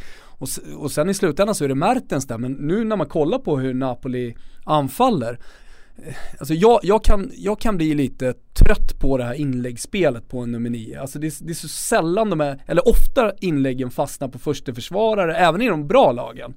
Det är svårt att pricka en panna. Men när Napoli anfaller, då finns det så många alternativ till att spela in den på backen. Och det känns, mycket, det känns som att det är större, jag har absolut inget statistiskt underlag här, men det känns som att det är större sannolikhet att det ska bli ett farlig målchans om man sätter den på backen. Det kommer folk utifrån som löper in, du har Merten som kommer på första stolpen och så vidare. Ja, men, och Kaj på baken. Jag, jag håller med om att det, man ska, kan man få in efter marken så är det farligare, absolut. Eh, men jag, jag kan inte, jag är inte säker på, jag helt förstår vad du är ute efter. Men just det håller jag med om. Men sen är ju verkligen eh, också en intressant iakttagelse just det där att de hade Insigne assist. Jag menar, det var väl lite också med Higuains, han gjorde så mycket mål, 36 eller vad det var. Så, så tog det nästan ett helt år för lag att förstå att när Napoli och Insigne får bollen, men framförallt Insigne, men Napoli får bollen med omställningarna när de attackerade så räckte det inte med att börja försvara vad man såg utan man måste börja försvara vad som kan hända. Vad som mm. verkligen, du måste minimera alla risker för det gick, så, det gick fortare in bakom och med större precision än vad, vad världen hade skådat tidigare. Eh, och det gjordes systematiskt. Och det, det tog ett tag för, att, för att förstå. Eh, och det har också ändrats som Thomas är inne på för Higuain var en annan nia än vad Mertens är. Det går inte att spela Mertens in i ytan bakom på samma sätt som det gick med Higuain. Utan det är ju också därför att assisten har inte blivit till Mertens blir ju inte samma mycket assist som det var till Higuain för Insigne. Utan då är det Callejon på bortre ytan men då har de ju skapat nya ytor med mittfältare som fyller på och, och det är här Sarris stora jobb är hela tiden. Att han, han hittar ju någonting nytt och hittar de här ytorna fast han inte har typerna liksom. Så att det, eh, det är, återigen, alltså folk är så trötta på att höra att jag hyllar Sarri men jag gör det alldeles, igen då tydligen. Jo men, det, men, men hylla Sarri, det, det, är, det är ju vad du ser på fotbollsplanen. Eh, jag, jag menar jag hyllar Napoli för att jag tycker att de spelar här i fotboll. Ja men det är ju som att hylla Sarri. Det går inte att kolla på, på, på Napoli och säga fan det här var en trött, tråkig match. Alltså det, det är hur de spelar sig ur svåra situationer på egen planhalva. Eh, det är fotbollsspelare på alla positioner. Eh, Ingen plats för mig inte. ja, men vi lever efter två, Baktung Åström att ha där. Vi lever efter två deviser i, i Toto Balotto. Det är hyllas de som hyllas bör mm. och skit ska skit ha. Mm. Det, är, det är de två riktlinjerna vi, vi håller i den här studion.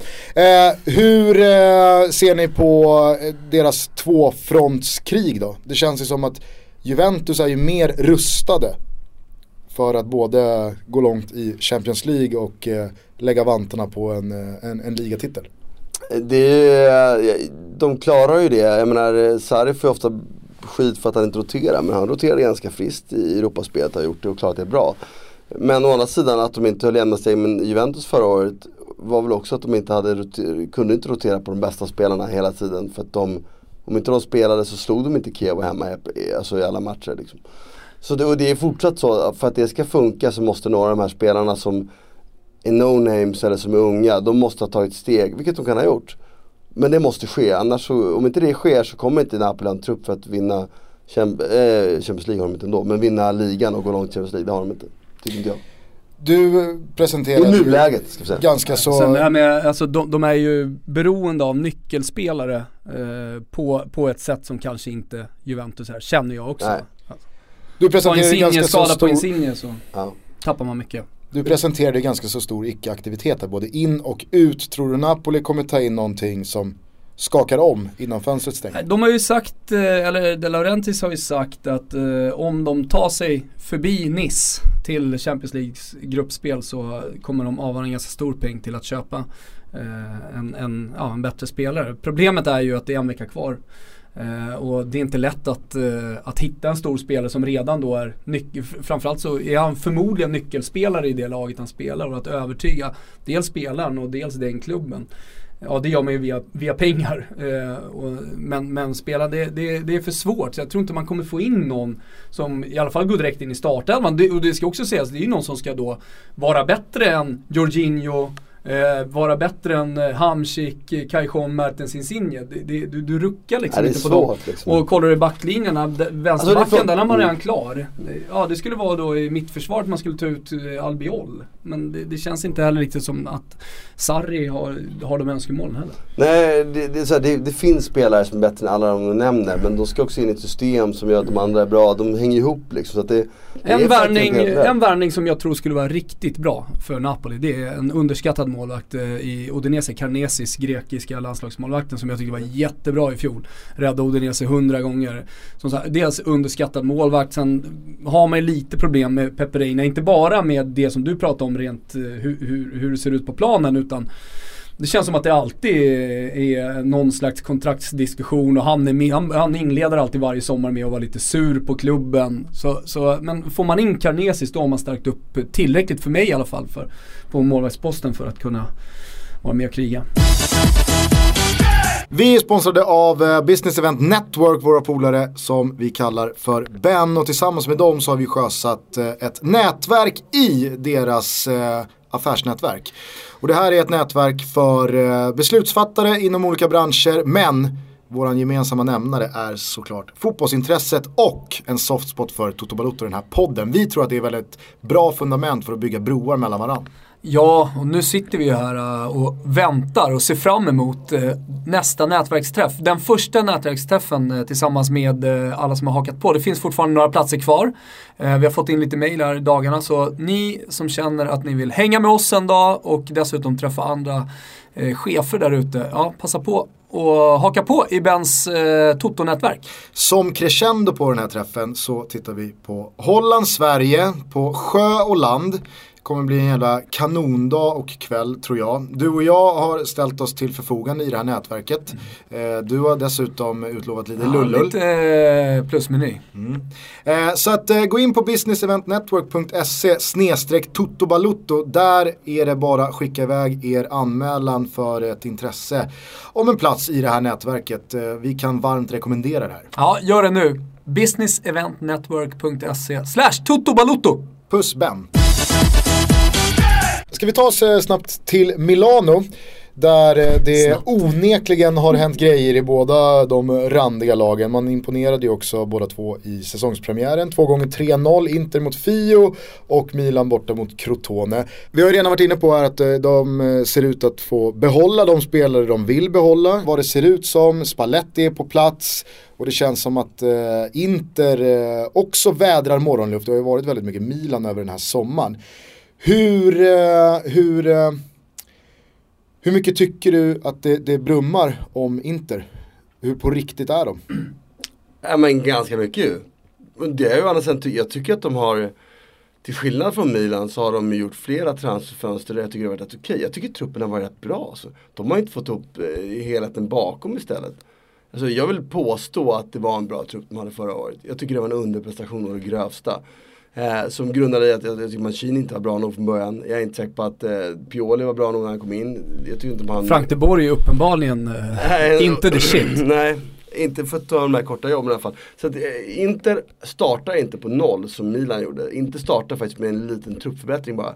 Det som är skillnaden på Inter och Milan är ju istället att Spalletti kommer in. Men Spalletti har ju mot vad jag trodde eh, lyckats bra med Roma. Jag var inte alls säker på att det skulle gå bra. Och är han så pass bra så att det var hans förtjänst att Roma var bra så kommer, så kommer inte materialet att vara bra. Och då, kommer inte, då ska inte kunna vara topp tre lag tycker jag.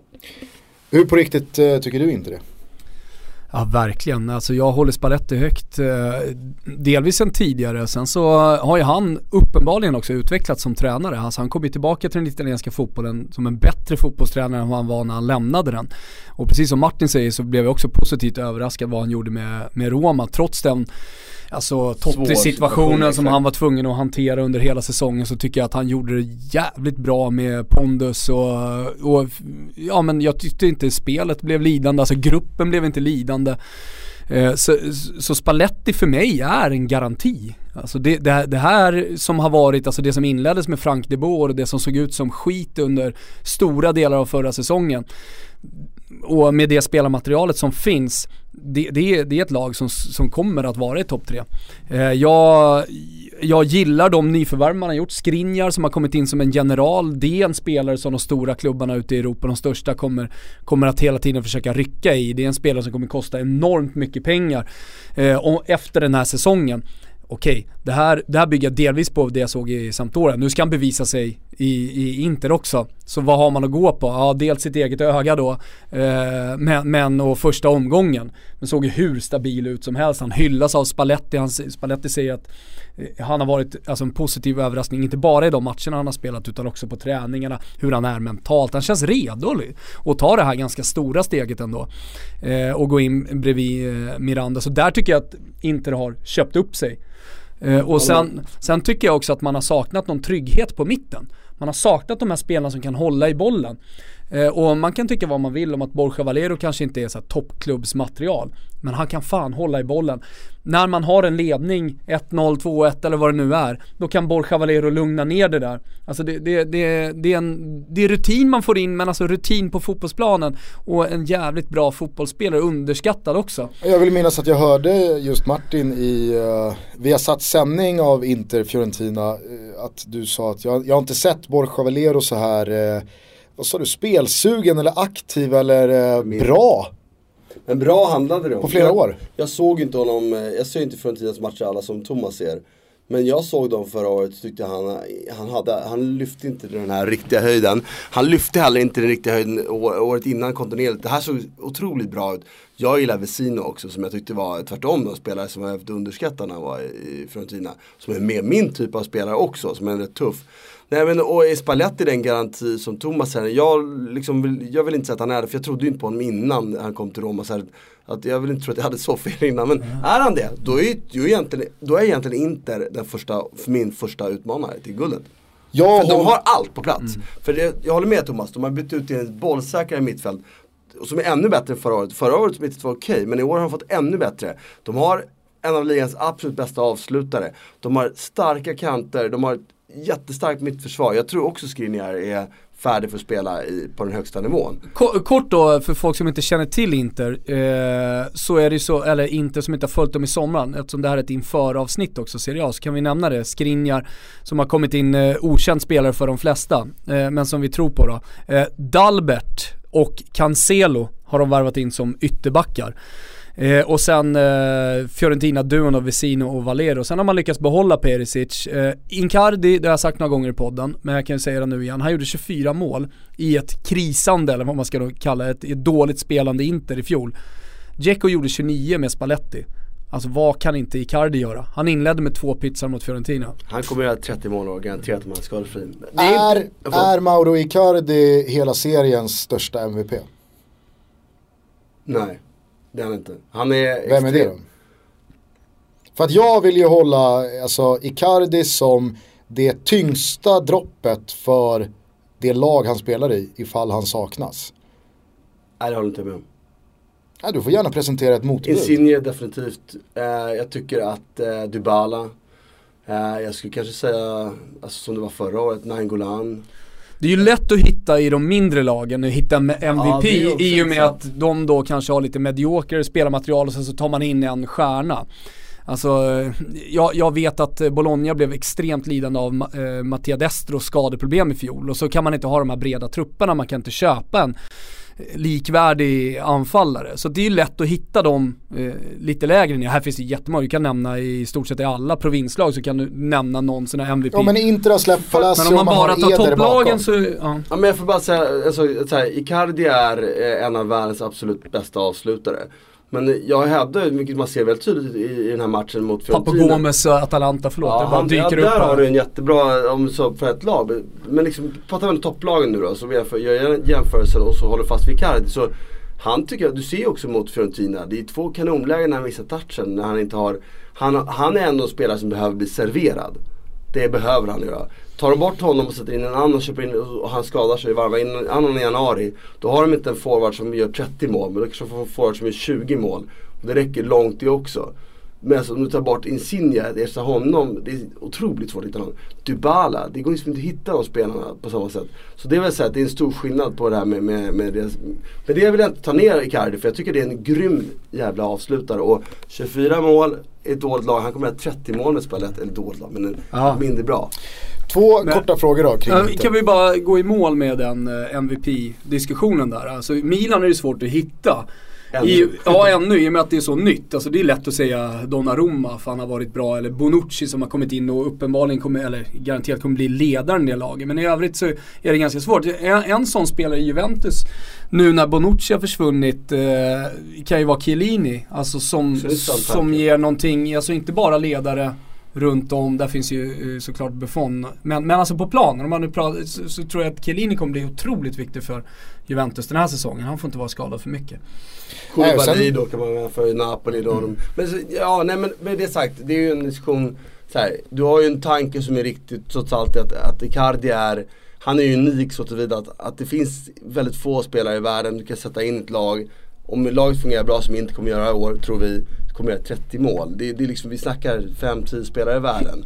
och de, det är svårt att ersätta men tar man bort honom så kommer någon annan i alla fall göra 20 och det är det jag menar, då blir inte sam, liksom, Han gör inte målen för att han skapar chanserna det andra som skapar det. Han har en extremt Han- klinisk absolut. För perspektivets skull så har han ju gått om Iguain också i landslagssammanhang eh, i Argentina. Jo men det, det jag menar är ju att liksom, Tillfället i alla fall. en, Ja, ba- exakt. en baksida på Icardi under hösten, sex veckor out och du ska stoppa in Eder istället.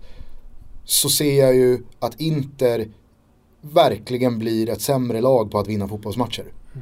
Alltså, Jag håller inte helt med. Jag tror Nej. att de kommer vinna ändå. Jag tror ja, men det är väl härligt med dynamik. Mm, det är väl härligt med dynamik. Eh, Låt oss hoppas att vi inte behöver pröva tesen. Men eh, det hade varit intressant att se. ja, för Thomas långtidsspel, som eh, jag hoppas många har eh, ryggat hos Betsson, så är det ju verkligen key att Icardi håller sig. Långtidsspelet är Icardi att göra mer än 22 mål. Ja. Och sen Ja, det är bra. Benevento Ja. att komma sist. Där håller ju sportchefen nu för övrigt, för alla som har ryggat det. Sportchefen i Benevento håller på att avgå bara för att han är missnöjd med eh, den eh, för, de förutsättningarna han har fått för att värva ihop ett bra Serie A-lag. Samtidigt då som Spal, konkurrenten, Mm. värvar allt. Eh, och eh, Att slutligen att sluta- Inter ska sluta topp 4. Ja, det är tre 12 gånger pengarna. En bra start på den eh, långtiden. Ja det säga. börjar bra, sen kan ju saker hända. Eh, två korta frågor. Hur eh, bra tror ni det är för eh, Inter i det här skedet att de inte spelar i Europafotboll? Mycket bra. Vill du utveckla? Ja men Spalletti får mer tid att fokusera på att liksom skola laget i spelsystemet. Om det nu behövs vet jag inte. Jag förutsätter att det gör det. Därför du får ju liksom en match söndag om vi har ett rullande schema så. Ledig måndag, sen har du tisdag, onsdag, torsdag och bygga upp laget på taktiskt. Du får mycket mer tid att jobba med, med det så. Jag menar, har, och, om ett halvår så är det behovet mindre för då har han förmodligen satt det han kan liksom. Men att få den extra tiden i början och det, det tror jag är guld värt. Som en ny tränare till ett nytt lag så är det rätt skönt att ta över dem om de inte är i Champions League. Det tror jag absolut. Slutligen, varför spelar Nagatomo? Det är men därför att de inte vill slänga in någon som inte har spelat och tränat. Jag tycker det är så här, man, man slänger in, spelar man köper på måndagen spelar inte på söndagen. Det är bara punkt. Då ska det vara en superstjärna. Alla ska in, förstå hierarkin och spelet och sådana grejer. Och en annan grej. när Nagatomo med det sätt de spelar nu, det vill säga ett stabilare centralt mittfält, eh, stabilare mittförsvarare. Han kommer fortfarande inte vara superstjärna på att försvara. Men han kommer ha mer utrymme att göra det han är bra på, eller rätt okej på ändå. Och det är att attackera och då är priset på honom mindre i alla fall. Med det sagt, nej han ska inte spela ordinarie under året. Jag fascineras ju över att Nagatomo har avverkat, vad då Thomas? Fem tränare nu och alla spelar med honom. Då och då i alla fall. Men eh, då, då nämnde jag ju precis att Inter har värvat till den positionen. Eh, det skulle vara klart i juli med den här Dalbert. Eh, det, det är en spelare som, ja, jag inte ja, eller, Dalbert för de som Dalbert, ja, sorry. Jag gillar ju, jag gillar att han heter Dalbert på något sätt. Jag gillade det också. Från Nice. Och ja, jag såg kanske fyra hela matcher med Nice i fjol. Men de säger att han ska vara bra i alla fall. Ja och det lilla jag sett säger också att han är bättre än Nagatomo. Men jag tycker att man köper inte en spelare och slänger in någon direkt. Liksom. Det gör man. Och sen Cancelo från eh, Valencia, det ser jag också som, ja men det, det kommer säkert bli bra under Spalletti. Eh, Stadskonkurrenten då och eh, den evigt svurna rivalen. Där inte är så jävla blodigt egentligen. Milan, eh, där har det ju hänt eh, oerhört mycket hela sommaren. Däremot så har man inte skiftat på tränarposten. Tror ni att eh, liksom Montella är rätt man för det här nya Milan? Framförallt får vi ett svar på det. Alltså om han är rätt för nya Milan får man alltid ett svar på det inte. Men om det är en bra tränare eller inte, det tycker jag man kommer, i år, efter, efter år känner jag mig trygg med att kunna ge ett svar på om Montella är en bra tränare eller inte. Och vad är det som får tror- dig att känna så? Nej men då har han ju för första gången fått chansen ordentligt. Alltså att han lyckas för en Tina där och då, det är en bra sak. Eh, Sampdoria var det väl han var, det kan jag inte riktigt säga, att han misslyckades Han var med. i Catania, det var hans första och Ja. slog poängrekord och sådär och, Ja. och, och, och gjorde det bra. Men det är, det är som du säger, han har ju inte satts Ja. på prov Nej. i ett stort lag tidigare. För Nej. fjolårets säsongen var ju som den var för Milan. Exakt, och han hade inte materialet förra året. Och tyckte jag nästan förra året att, att det var en, en trygghet ändå i spelet där. En upp, upprepning systematiskt av saker att skapa chanser på. Hur man agerade som ändå bara, det här är i alla fall en fotbollstränare. Till skillnad från Mihailovic som var en hela havet stormar-tränare. Eh, men eh, Montella, om han är där, the shit, det får vi se i år. Det är ju ett svårt uppdrag att ha, att få ihop typ en startelva av eh, där, där, mellan 7 och 11, nej 7 och 10, Donnarumma kommer helt säkert stå, men mellan 7 och 10 beståndsdelar ska vara nya. Det, det, det ska man ha respekt för. Så det kommer vara en uppgift för dem att lösa. Men eh, det kommer att göra det så är det en bra tränare. Blir de ett topp 4-lag så är Montella en bra tränare. Och det ska jag säga att det är spännande att få svar på. Det var det jag menade med det. Så ska jag säga att det är ju en fördel kontra Inter ändå att ha haft sin tränare på plats ett år innan. Hur mycket... Jag ska säga det också när vi pratar om Montella, det är ju den stora frågan i, i Milan. Är han rätt man för att leda laget? Hur ser du planen ut långsiktigt? Eh, Eh, tror ledningen på honom? Ja, hur, eller hur stort är tålamodet från, från ledningen? Men, men där är ju jävligt bra att få in spelartypen, eller människan, eh, Bonucci som är en sån stor ledare på planen. Jag vet inte om ni såg premiären när han stod i ring runt och eldade igång sina spelare. Alltså jag, jag, jag tror att det är ganska skönt för Montella att, att få in den, den typen av eh, person. Informella, absolut, det tror jag också. Och jag tror att det, det jag hör av, av Montella är att han inte har problem att hantera personer heller.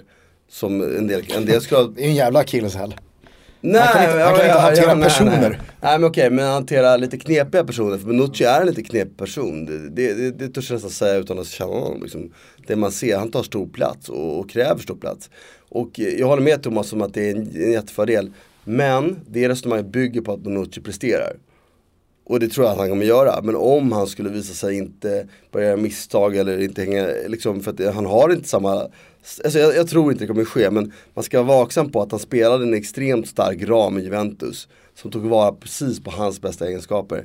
Det kommer inte vara lika stabilt i Milan kanske. Då får vi se det lite. Men funkar det så är det absolut bra för Montella. Och det bygger också på att Montella kan hantera och låta honom vara. Han känner sig inte liksom prestigen dem emellan tror jag han grejer. Ska du bara kort räkna upp eh, spelarna som har anslutit eh, till okay. Milanello? Ja, vi har Bonucci, vi har Musacho från Villarreal, vi har eh, Andrea Conti, en av de mest hyllade, alltså största genom, ett av de största genombrotten i fjol, kom från Atalanta. Eh, en av Martins stora favoriter, personliga stora favoriter också eh, i eh, Kessie som eh, är liksom en mittfältsdynamo som har hur mycket, alltså han, han har den största lagen att göra. Vi har Lucas Biglia från, eh, Eh, från eh, Lazio som har ryktats bort från Lazio till storklubbar under många eh, säsonger här. Chalanoglu, eh, frisparksskytten. Vi har eh, Ricardo Rodriguez, vänsterytten. Som prickade inlägg en gång i tiden på Bas Dost i Wolfsburg. Så Bas Dost fick göra 20 mål. och sen så framåt har man André, André Silva, Kalinic också då från Fiorentina. För att nämna några av alla spelare som har kommit och då är man ju fortsatt intresserad av att värva ytterligare en anfallare. Alltså det, det har ju pratats om Aubameyang, Belotti, eh, Diego Costa. Nu tror inte jag det kommer bli så, jag tror man kommer nöja sig med, med Kalinic. Eh, för nu har man fått igång Hur bra är Kalinic egna... då? Jag tycker alltid han har varit bra när jag har sett Vet du vad, när man, när man pratar om eh, Kalinic, när man skriver om Kalinic i, i Italien så, så, så är det så här, han är en tränarfavorit. Han gör jobbet, eh, han, eh, eh, han gör det tränaren vill att han ska göra. Eh, en eh, lojal spelare kanske man ska säga. Men han har ju aldrig gjort 15 plus mål en säsong som han, som han har spelat. Så han är ju inte den bomben än i alla fall. Eh, så, så jag, vet, jag vet inte. Men det intressanta, det är att den, den anfallaren som är i bäst form i, i inledningen på, exakt, i inledningen på säsongen är Cotrone som gjorde mål direkt mot Crotone i eh, premiären. Som han ska lånas ut till vad jag sagt eller Ja men det, det har ju pratats om att eh, Cotrone, han är en egen produkt och spelat i Milan sedan han var 6-7 år gammal. Eh, och Montella fullkomligt älskar honom och vi som såg honom i premiären förstår ju varför. Han säger dessutom att han är i bra fysisk form så här i inledningen. Eh, men det känns ju som en, eh, alltså, det känns ju som man har en riktig toppspelare i Cotrone.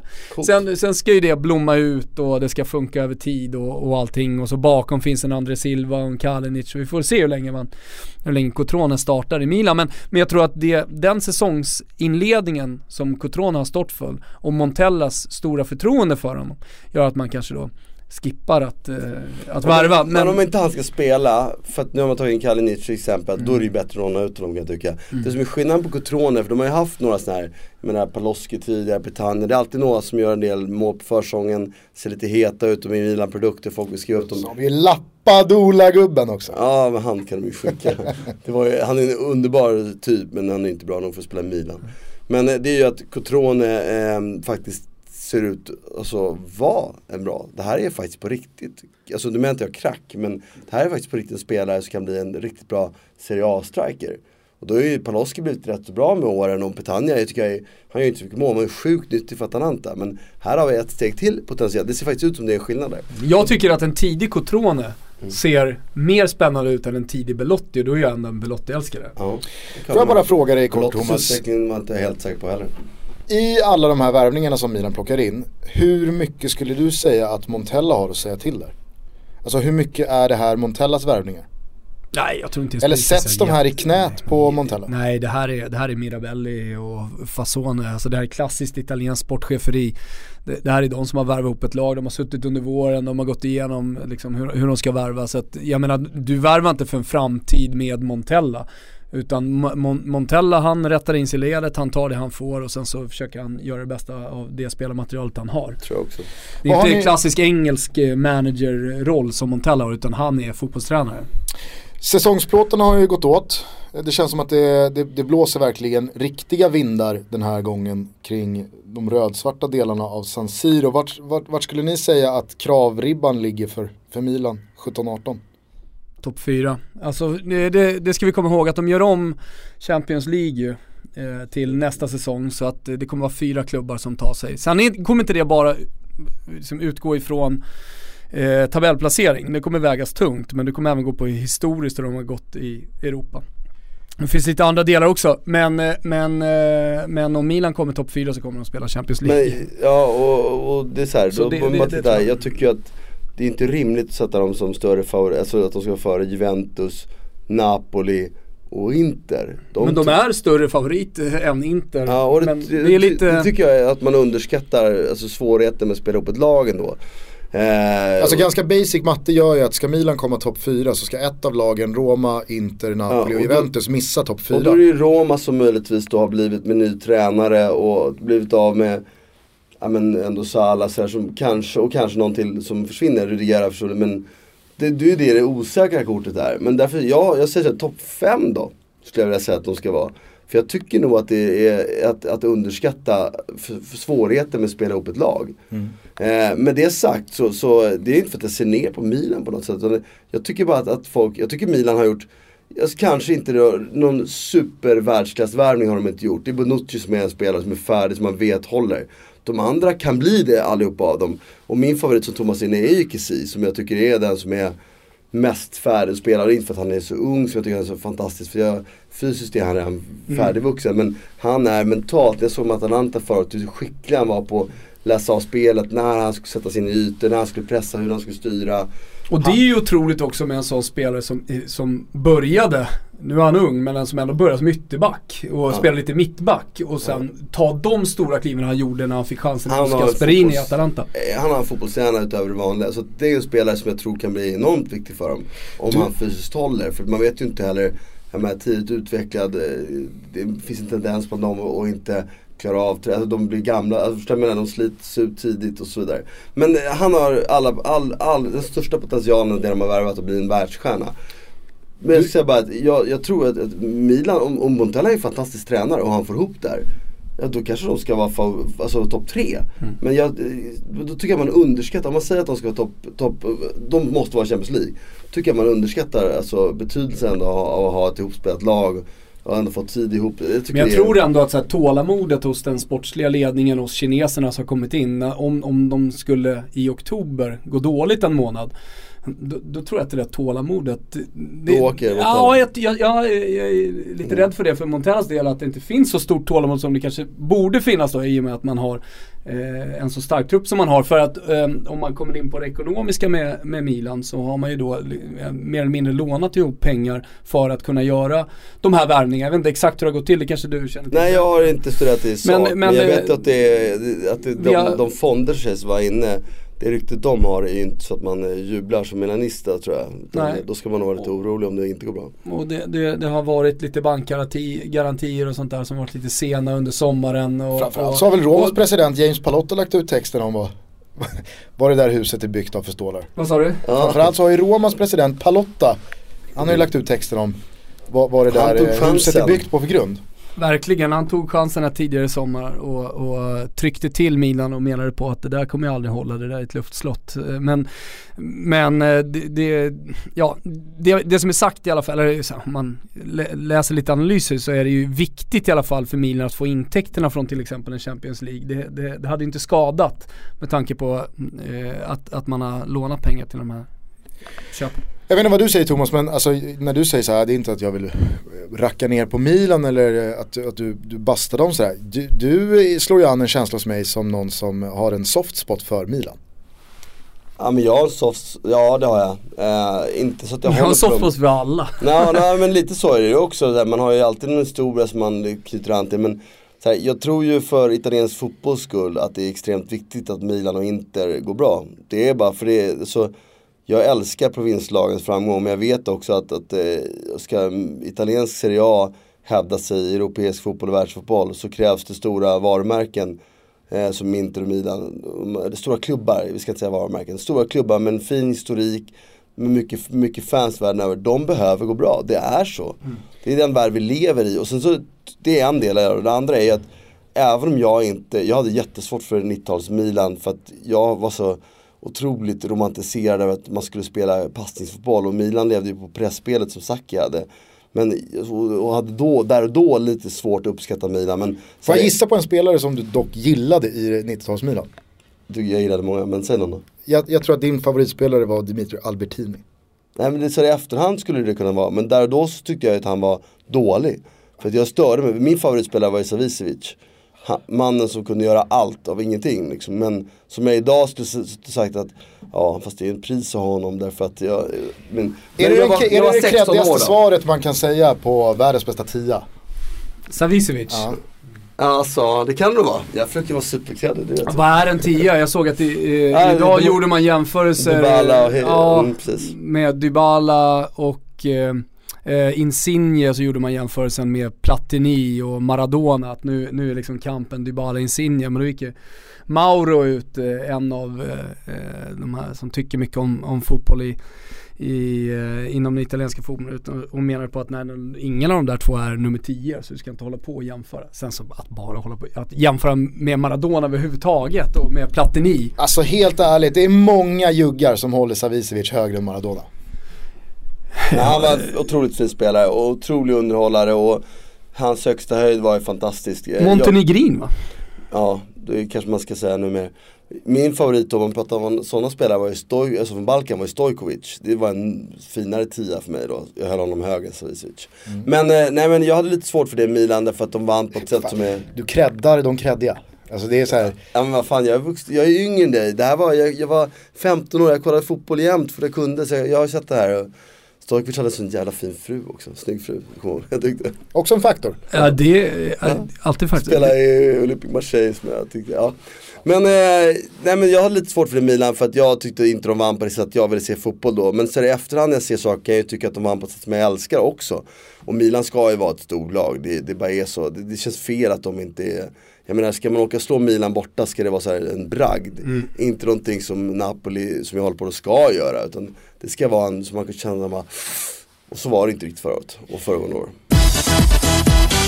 Nu är Toto-tripplarna tillbaka i eh, sin renaste form. Vi har ju kört lite säsongsspecialare här senaste tiden. Vi har också börjat ganska bra i såväl Tyskland, Italien som i England. Eh, nu fokuserar vi på eh, helgerna igen. Det är allsvenska matchbiljetter i eh, potten som kicker. Ni vet eh, vad som gäller. Betsson.com, godbitar, boostade odds. Insatsen är 148 kronor.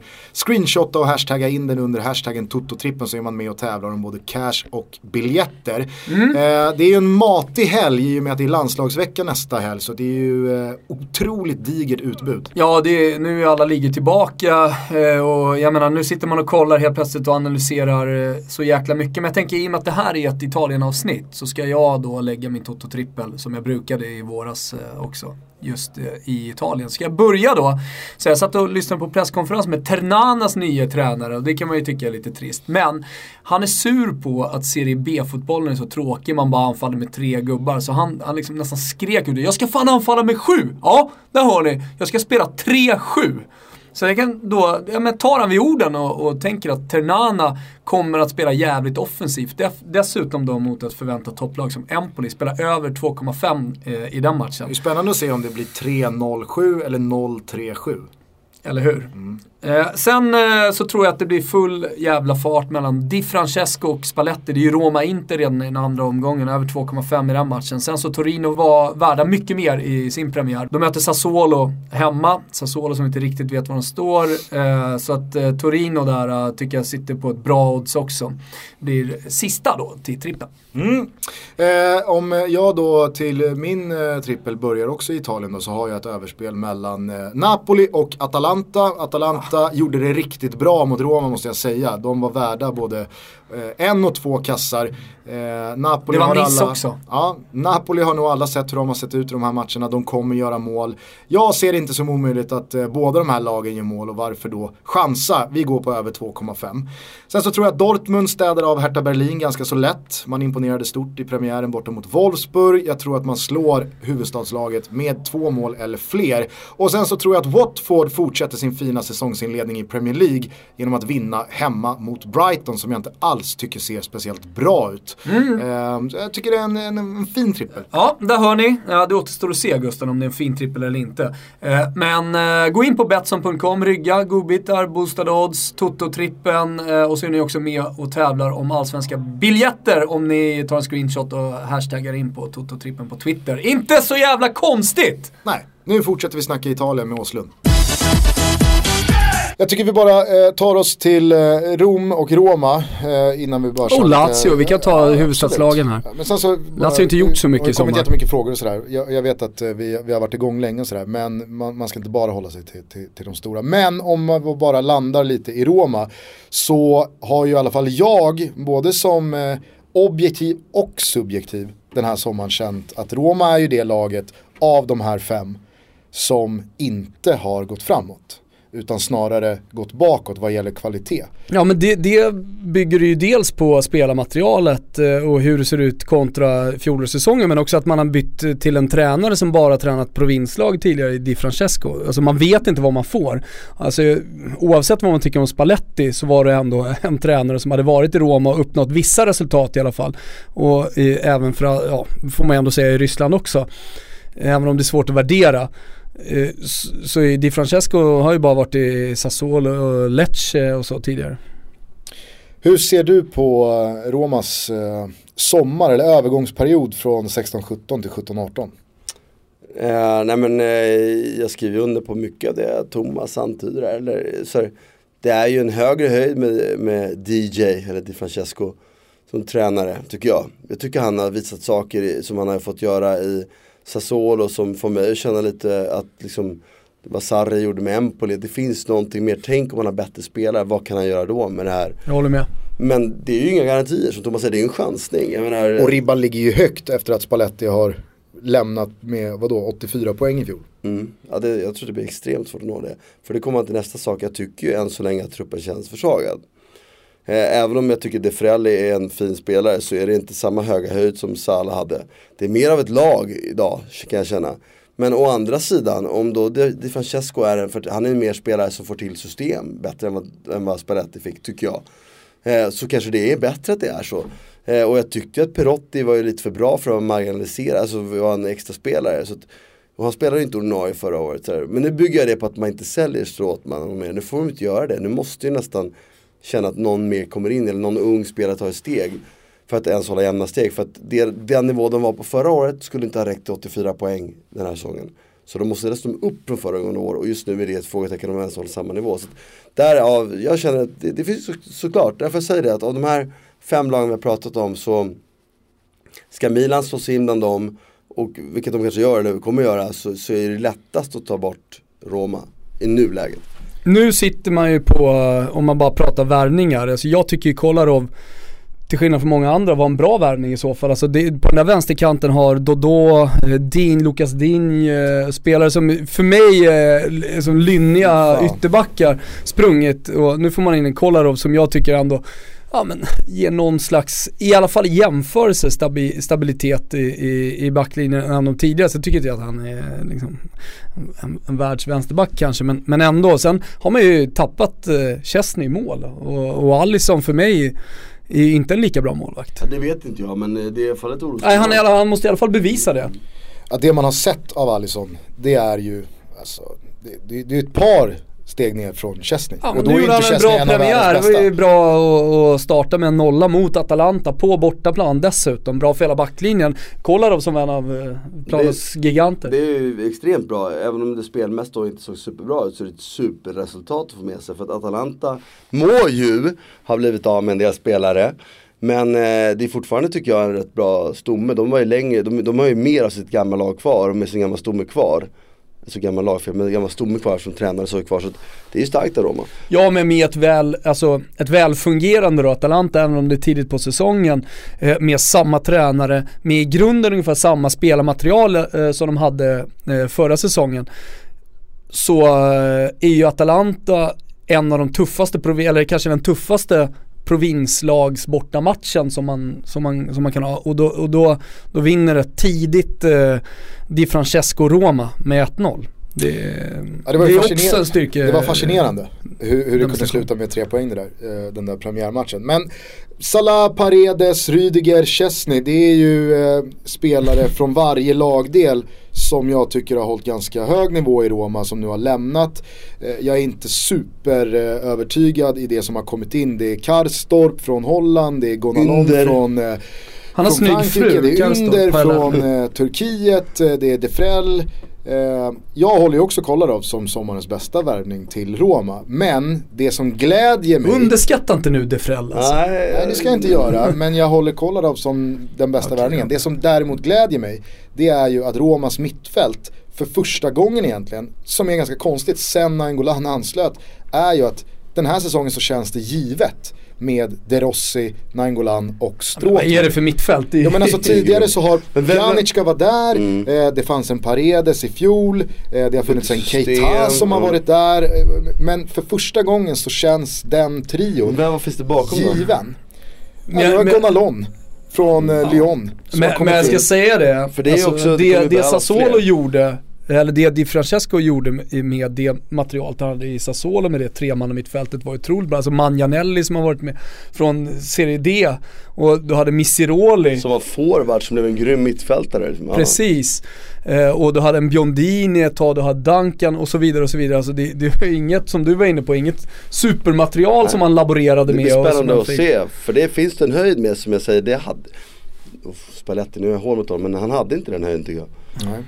Nej men och sen så gläder det mig inte. att i det här mittfältet så blir ju det, det, det är ju det är inget nyförvärv så, men att Nangolan förnyar eh, sitt kontrakt och förlänger i de här tiderna med de ja, intressenterna som finns. Alltså. Känns ju verkligen, eh, ja men unikt. Ja men det, vet du vad det är 2017? Det är ju en kärleksförklaring. Ja. Det var det inte för 15 år sedan Nej. men idag så är det ju det. För Nangolan, Nangolan vi började med att prata om all... alla Premier League-lag centralt och var det bra. Och vi pratade om alla de här spelarna som bråkar sig bort för att nu finns det en öppning någon annanstans eller nu vill man gå och man respekterar inte sitt kontrakt och det, det, det, är väldigt lätt att bara pissa på den respekten som jag tycker både klubbar och supportrar förtjänar när man har skrivit på ett kontrakt. Här går ju Nangolan rakt mot strömmen. Och det är så jävla skönt att han gör det med de orden han gör. Att, men, jag, jag, jag vill vara här. Jag mm. trivs här. Mm. Jag, gräset är inte grönare på andra sidan bron. Uh, det, är, det är ett föredöme, jag säger inte, jag, med det sagt, jag vill inte fördöma de som väljer att göra något annorlunda. Men jag tycker vi ska, när sånt där, upp, alltså när sånt där sker ska man hylla det. Det är precis som man ska Ja, jag måste säga att så här, i den här, kanske då eh, sportsliga kvalitetsstagnationen om inte att man till och med kanske har gått bakåt. Så ser jag fan fram emot den här säsongen mer än vad jag har gjort på länge. Just för att det blåser lite snålt, det känns inte som att Roma kanske ens ska vara topp tre. Eh, spelbolagen håller både Inter och Milan före Roma också. Och det känns fan helt okej. Alltså De Rossi, kapten, Florenzi på väg tillbaks, Nainggolan förlänger. Florenzi har man nästan glömt bort efter korsbandsskadan. Ja, Sant. ja men eh, och, och, Och han kan ju spela mittfältare också som en ersättare. Han kan fan spela på alla positioner. Alltså jag, ja, jag, jag gillar det här sämre Roma. Fan jag hoppas vi kommer sjua i år. Det, det ska bli en härlig säsong att följa. Eh, verkligen. Får se hur det låter när man torskar Kievo borta andra förlusten i rad. Man, man har fått borta. 1-1 hemma mot Spal. Kevo borta är ju torsk. Alltså, det är ju bara att acceptera. Det- det Och Maran han bara- bara sitter där. Det är samma gubbar, det är Gamberini, det är Dainelli, det är Bostian Caesar, du vet. Det, det, det är det, fotbollens- fan spelar väl fortfarande... ehm, Alltså att Gamberini spelar fortfarande. Ja, ja, ja, ja. Alltså Dainelli, han är 79, han är som jag vet du. Fan, han är väl 40. 35 matcher i sig i år. Lätt. Eh, utöver de här fem stora lagen då, vilket eh, lag eller vilka lag är du eh, lite extra spänd på följa den här säsongen? Ehm, oj vilken svår fråga. Det är så många man är intresserad av att följa. Men vi nämnde ju... Men låt oss vara ärliga igen, det finns ju vissa lag som man inte är så spänd på att följa. Ja, vadå då? Du vill ändå se dem om man tycker skit vill man ändå se att de är skit liksom. Nej men alltså så här, Bologna är inte spännande att se, men du kan ju hitta delar i Bologna som, så, alltså det är för att jag, jag tycker inte att så här, Do- Donadoni är en jätterolig tränare. Alltså, jag vet inte hur mycket jag tror på hans, hans fotboll. Jag tycker fall, jag, det, är, det är inte så att jag går igång. Eh, och eh, ja, sådär av hans fotboll. Men ska Martin få Men, på men? Pal- jo jag ska absolut få göra det men, men där finns ju, jag menar det finns ju alltid saker att hitta i ett lag. Så Palacio och Mattia Destro. Och så har du Di Francescos grabb som lirar där som gjorde en bra premiär och som känns som ja, men material kanske för att slåss om en landslagsplats vad det lider. Han är ung fortfarande. Fan är inte det lite kul att kolla? Det finns Så ju att det- andra lag. Jag menar, jag har ju nämnt Fiorentina. Men Fiorentina är ju utöver de absolut mest intressant för mig att följa- följa. Dels är ju Florens en av mina absoluta favoritstäder i världen. Jag är svag för Fiorentina. Men också för att det händer så mycket grejer. Och jag vet dessutom, jag tycker att, att, att det är en svaghet som Corvino har. Att han måste rensa ut för att han måste ha in sina unga nya. för han är så fåfäng. Han vill, ha en, han vill vara killen som sätter en superstjärna. Och det gör han på priset av att kunna bygga in det i ett lag. Men jag vet också att ur det laget kommer det komma en superstjärna i år. Därför är det också kul att följa och se och se varje match. och sen måste vi ju nämna Lazio för att vad är det? Det är ju en sån avvikande, det är ju en, en galning till president men ändå extremt välskött klubb liksom. De går plus varje år, de har en extremt hög eh, prestationsnivå eh, sett till vad de omsätter. De tar ju aldrig steget upp. Ja, och se, på precis sett till vad de omsätter i spelarlöner Ja. om, man, om du börjar jämföra så, så, så det överpresterar de ju. En tränare där som fick ihop det, jag vet inte om han är briljant, Simone Inzaghi. Men det han gjorde förra året tangerar ju till något väldigt intressant i alla fall. Ska också bli kul att följa liksom i år. Förutsatt att eh, Keita försvinner, ska man kanske bolla upp Immobile i den här MVP-diskussionen? Ja, verkligen. Ja, det, det var faktiskt, jag läste en artikel häromdagen om det var i den här eh, Guerin Sportivo eh, om just Immobile och vad händer om inte han spelar? Vad fan ska Lazio sätta där? De har ju ingenting. Alltså, han- och han gjorde också plus 20 mål förra säsongen. Och gjorde ju faktiskt en supermatch i den här supercupfinalen. Ja. Och det är ju inte mot världens sämsta lag direkt. Så att, eh, Han går där, lunkar med huvudet lite och så r- snabb. sitt riviga jävla steg. Två spelare som eh, i alla fall eh, utöver Keita har ryktats bort många, många fönster här nu. Eh, eller i alla fall en. Filippe Andersson. mm. Eh, Han blir var ju det- ännu mer central nu när eh, Kita försvinner. Och han kommer bli kvar.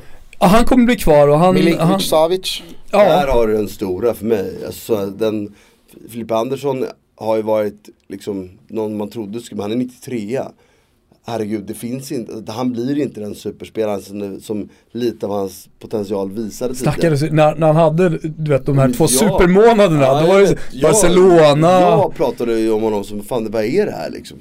Så jag gick verkligen bet på det. Det här är en jättefin fotbollsspelare i sina bästa stunder, han är magisk men han är inte jämn nog och han har inte liksom, det är en, en provinsspelare, topp, ett toppspelare i provinslag. Men där Milinkovic Savic, han har fysiken, han har taktiken, han har tekniken. Han är redo att ta och lyfta in i Juventus till exempel. Har han frun? Det vet jag inte. Jag tror inte det gammal men mi- längre. minnesbilderna från i deras, Espadilla. alltså, deras fruar, det är så här, de är typ 20 år yngre än mig, det skulle vara äckligt med sånt. Eh, Milinkovic Savic eh, minns man ju i eh, skinnpajen, mjukisbrallorna i Artemio Frankis kulvert. Alltså det, är- det Det är ju... helt sjukt. Han stod ju där och skulle skriva på Fiorentina och sen så blev det Lazio istället. Där tappade man Jag tror, riktig talang, jag jag, håller med Det dig. har aldrig hänt under Corvino, sånt missar han inte. Får jag man- tror att Kim kan lägga in en liten fanfar där. För det är, jag tror att den anekdoten nu firar tio gånger. Alltså den går, den går ju upp med din Isak Dahlin och Netto. Ja, ja, vi kan dra en, dub, dra en Säger. dubbelfanfar Kim. Okej, men eh, jag ska nämna en spelare som nu, så här tidigt på säsongen bollas upp, eh, han var väldigt bra i Supercupfinalen mot eh, Juventus också, men som bollas upp som en nyckelspelare, kommer få mycket mer plats. Han inledde förra säsongen skadad, tog sig tillbaka och var bra under våren. Eh, men det är Luis Alberto. Eh, han är i alla fall väldigt många som, som pratar om nu i Lazio-led som att eh, där, där finns det en uppväxling att göra individuellt för honom. Jag har sett honom för lite. Jag, Var väl kort i Liverpool eh, men blommade aldrig ut där riktigt heller. Hur högt håller du Simone Inzaghi på, på tränarhimlen om han nu lyckas få ihop det här post-Biglia med eh, en kanske Keitado som lämnar också i en rörig klubb som Lazio. Hur imponerad är du av lillebrorsan Inzaghi? Väldigt, nu ska man väl ha klart för sig att, att eh, Lazio är rörigt eh, på ledarnivå men ser på spelartruppsnivå så är det en av de klubbarna som har störst kontinuitet i hela ligan år efter år. Så att det är ju fortfarande en välskött sportsligt välskött klubb liksom så att det är de förutsättningarna. Så det är nog lättare ändå att vara tränare där än att komma till Milan på ett sätt och när det är bara massa nya spelare varenda år. Det är fem, sex i varje fönster och, och få ihop det. Men Sen är är det andra saker som är bättre just nu i alla fall, helt klart, med att vara i Milan än Lazio. Men nej, då håller jag honom väldigt högt och då håller jag honom redo. Blir de eh, topp 5, då ska han definitivt träna en av de stora klubbarna nästa år. Ser du Lazio, för nu har man ju pratat väldigt mycket om Milan och Inter då komma tillbaka till deras egentliga plats i näringskedjan och sådär. Ser du Lazio någon gång ta sig tillbaka till inte nivån under- eh, man höll slutet på 90-talet, början på 2000-talet? Med tanke på eh, hur viktigt det är att hela tiden förnya truppen, eller så här, med tanke på hur viktigt det är att vara med och om man ska vara i toppen att eh, köpa stora spelare. Så kommer Lazio aldrig vara där under Lotito. Utan då krävs en ny ägare. Vilket gör att då, då, då, då kommer man vara ett viktigt eh, större provinslag, huvudstadslag som vann scudetton Eh, för inte jättelänge sedan så att det, det kanske är lite fel att prata om provinslag men jag lägger ändå dem i kategorin för att de har ungefär samma eh, löneomsättning som typ Fiorentina och, och liknande. Torino är väl på väg dit nu. Eh, men, men under Lotito så kommer man aldrig satsa de pengarna så då kommer man aldrig nå dit heller. Det kan vara så att man någon säsong får till det perfekt med tränare, man har sina nyckelspelare skadefria genom hela säsongen och så är man med och slåss om en Champions League-plats. Absolut, men inte mer än så.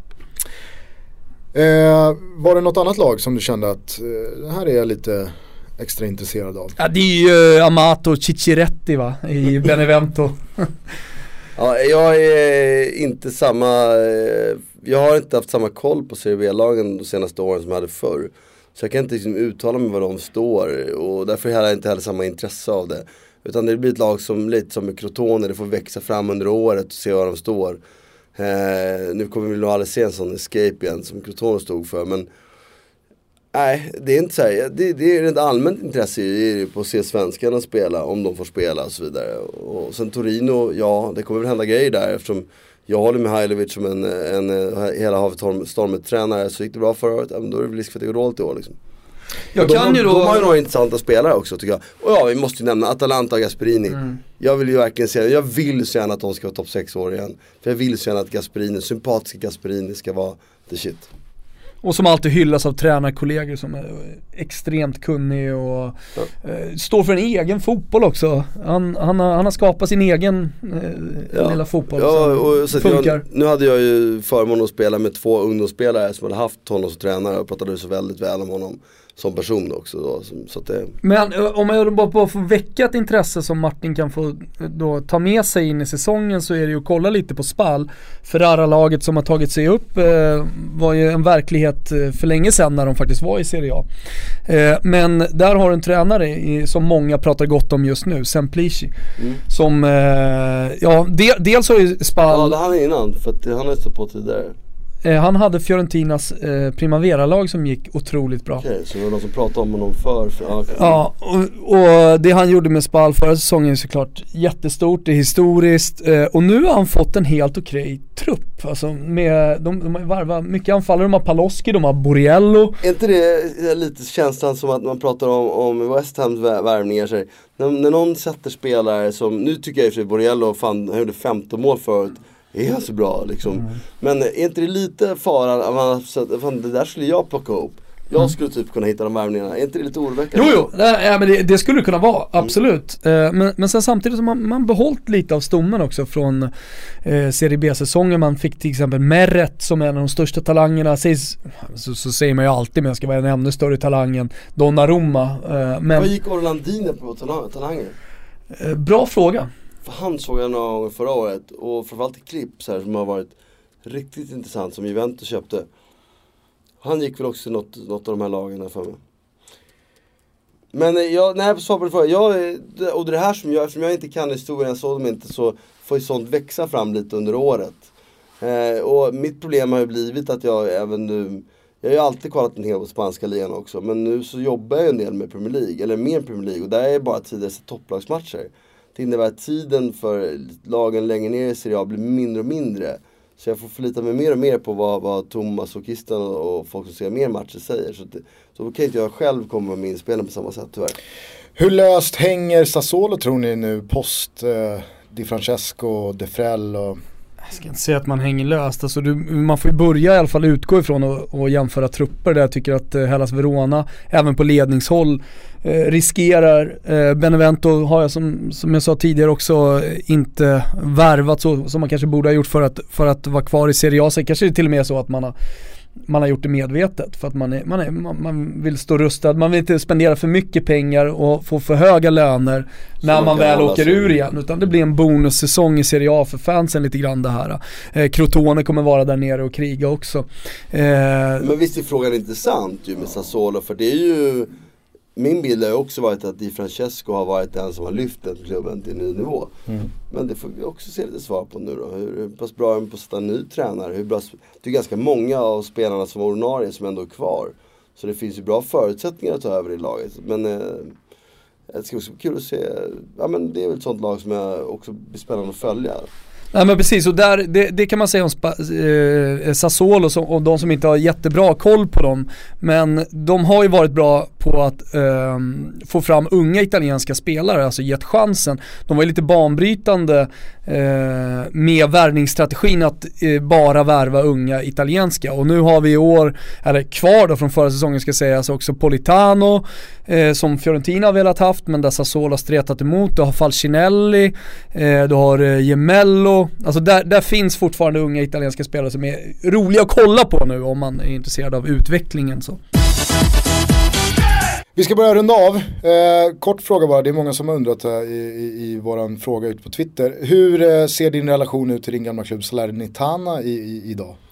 Uh, alltså, jag, jag, följer resultaten, jag ser max en match om året nu för tiden. Det är ju lite lättare eh, med, med Lotito som president att tro att, eh, eller som en av de klubbens ägare i alla fall, som tror att det finns ändå en alltså, möjlighet att ta sig uppåt igen. Liksom. De har ju haft problem efter Aliberti med, med presidenter utan pengar och som man fick. Som alla Serie B-lag har i stort Ja exakt, det är lite man vet aldrig hur mycket pengar det finns bakom utan det är lite quest for fame liksom. Här finns det ju en ägare som har nytta av att göra dem, inte Serie A-lag men topplag Serie B ändå liksom. Och det, det är roligare att följa på det sättet. Sen var jag nere i Salerno första gången på några år nu igen eh, i somras. Vi var där eh, och bodde på Malfökusten och spenderade lite tid. Stannade de där bara? Åslund? Äh, faktiskt, förra gången jag var nere så var det folk som kände igen mig men nu var det ingen som sa det. Nu, nu var det för turistsäsong och det är lite annorlunda. Nyckelfrågan är ju så här, äter du gratis på någon restaurang? Exakt. Nej, jag gick inte med gamla restauranger heller utan vi gick faktiskt bara en dag åt där. Så, så åkte vi liksom Amalfikusten istället. Men vi var till arenan och då släppte de in utan att säga någonting. De bara, visst självklart. Vet, vet du vem som äter gratis på restaurangerna i staden han spelade för resten av livet. Mikael Ishak. Han avgjorde ju ett eh, Kalabrien-derby mot Regina när han, Mm. när han var i, Coolt. eh, i Crotone. Ja nej men sådär, min relation till dem är att jag eh, följer dem, men jag var inte, alltså jag var där ett år. Jag, jag tycker mer om eh, regionen än laget egentligen och Du har ju haft en jävla fin semester, vi som Ja. följer dig på Instagram Martin. Jag har haft en bra semester och den fortsätter, jag åker till Rom nästa vecka igen. Nej men jag, Du har ju, du har ju alltså, det är premium Instagram-konto. Ja, jag visar ganska lite. Framförallt så, så åker du ju till premiumställen. Jag visar ganska lite av mitt liv där. Mm. Alltså det har ju, det har ju funnits eh, en, en enorm distinktion mellan ditt och Thomas Instagram-konto Jag måste under följa 2017. Thomas. ja. Det jag blir ska, deppigare och deppigare Asså. under eh, kontot Wilbacher. Har, håller du med om det eller? Ja, nej, jag håller med. Ja, det, det är ett Jag måste in haveri och alltså. kolla känner jag. Det är ett riktigt haveri. Jag noterade annars en rolig grej på, på Twitter, att det var en hel del som bara anmärkte på att dels att jag pratade sluddrigt, och det gör jag ju, alltså det vet jag ju. Men att jag är självgod, jag bara, fast det är jag också, fast jag tycker de har fel, alltså fel anledning till att de säger att jag är självgod. Jag Tre, det, tre självgoda frågor då. Hur bra fotbollsöga har du eh, enligt dig själv? 1 till 10. du måste dela upp fotbollsöga. Det finns olika delar i det. Okej, hur bra Det är är ett du på... självgott svar. nej jag skojar. Hur bra är du på att Det är eh, spotta en, eh, en eh, 17-18-åring eh, ifall eh, han, han har det eller inte? Sex. Det är ändå ödmjukt. Det känns som att du vill säga 8. Ah, nej men jag, jag, jag har aldrig sett mig som den Ska vi som... landa på 7? Ja, vi kan vara generösa. Och det är från fall till fall. Men så här, jag tror inte att min spetskompetens är att se de här individuella kvaliteterna. Det finns de som är lika bra som mig och- bättre än mig på det som inte har alls samma erfarenhet som, som jag har i övrigt. Min spetskompetens i fotboll är ju mm, liksom min analytiska förmåga att se mönster. Det har ju att jag är, jag är matematiskt lagd liksom. Är du bäst i Sverige där när det kommer till Nej, men där ligger jag högt upp. Där skulle jag sätta en nia i alla fall. Om Thomas är fotbollsmedias Helge Fossmo, är du då fotbollsmedias, eh, fan hette han som eh, gick bort i, i vintras? Hans Rosling. Hans Rosling? Nej det är inte heller, för Hans Rosling är ju inte den stora analytikern, det är den stora presentatören. Det är många som är, jag menar, det finns många som inte kan, eh, alltså kanske lika pålästa eller lika intresserade som är duktiga presentatörer. För det är det Rosling är, han är ju bra på att gestalta, det var inte han som drog fram analyserna. Han var väldigt bra på att gestalta fakta liksom. Du är fotbollsmedias Stephen Hawking. Nej, jag vet inte vad jag är. Jag är ens fotbollsmedia, jag, är, jag gillar fotboll, jag har vissa, jag är självgod, det är fan det är absolut. Tyngre sexapil dock än Hawking. Det, det, Tack. det ska du ha. Tack. Där kan vi vara tydliga. Tack. Fotbollsmedias bäst klädda. Det har vi redan utmärkt det till. Ja, skrev du under på den själv? Alltså det, med, om jag nu är fotbollsmedia, så med all respekt för många andra folk där ute, det är inte så att det är det mest välklädda skrået i alla fall. Sen, sen där uppe, det finns ju några som är välklädda och det är inte, absolut inte ensam. Men så, generella nivån på, på fotbollsmedia är ju för dålig. Och då har den ändå blivit mycket bättre. För att när jag var fotbollsspelare så var den ju långt mycket sämre. Liksom. Alltså, Men jag ska säga så här att, jag vill bara säga att eh, ibland så får jag höra att, att jag bara, men du, du tycker att du kan allt. Ja, jag tycker att jag kan mycket, jag är självgod, absolut. Men samtidigt, jag presenterar bara min teori, min fakta. Varför tror folk att det är, jag säger aldrig att det är den enda teorin. Eller enda faktan. Jag tycker folk fattar, alltså, vi har alla, du har en, ett svar, du har ett svar, jag har ett svar. Det är ju inte, vi Jo men om, vi, om du sätter det i ett sammanhang som är Eurotalk eller Viasat där du förväntas tycka om saker och ting, då måste du ju Men- göra det också. Jag som krönikör kan ju inte bara ta ett steg tillbaka och bara nej, jag vill inte tycka om det här, men då kan, då kan, då kan vi skita i att sitta i de där studierna. Jag tycker att eh, det, ja, Nej, men det är jag, och, märkligt. det, och, det är fel, och den ansatsen har ju folk lite. och Där, ja, men mitt jobb är att sitta där, jag sitter där, jag, jag tycker ju mycket om saker men absolut. Men det är ju att tycka. Och jag har en teori och jag säger när jag säger det, jag kan ju alltid säga att jag tycker att jag håller, jag har Exakt. Och det blir nästan tröst. Alltså, det, blir ju det blir ju olyssningsbart. Exakt, det måste ju folk ändå utgå ifrån att så här ser jag Framförallt så på låter det som att man inte tror på sig själv om man, om man ska hålla på så i var och varannan mening. Nej, det, men eh, det var bara en sån här grej som jag reflekterat över. Inte över det här men rent generellt när man hör saker så här som, ja.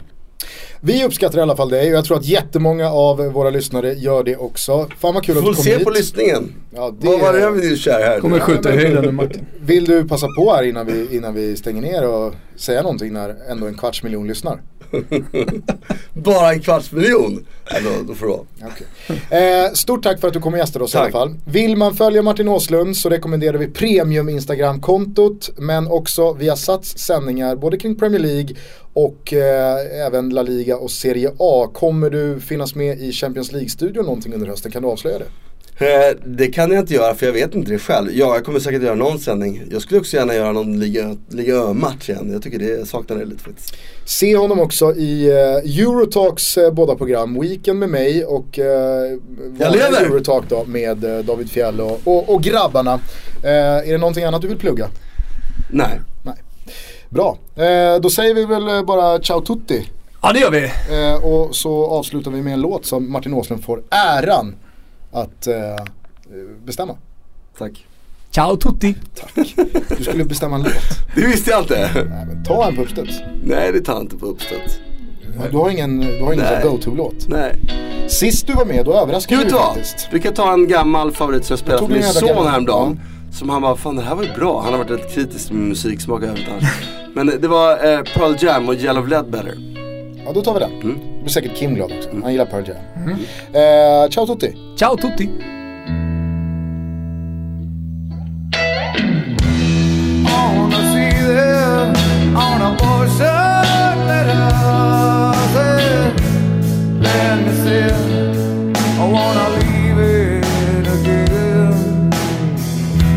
Once I saw her.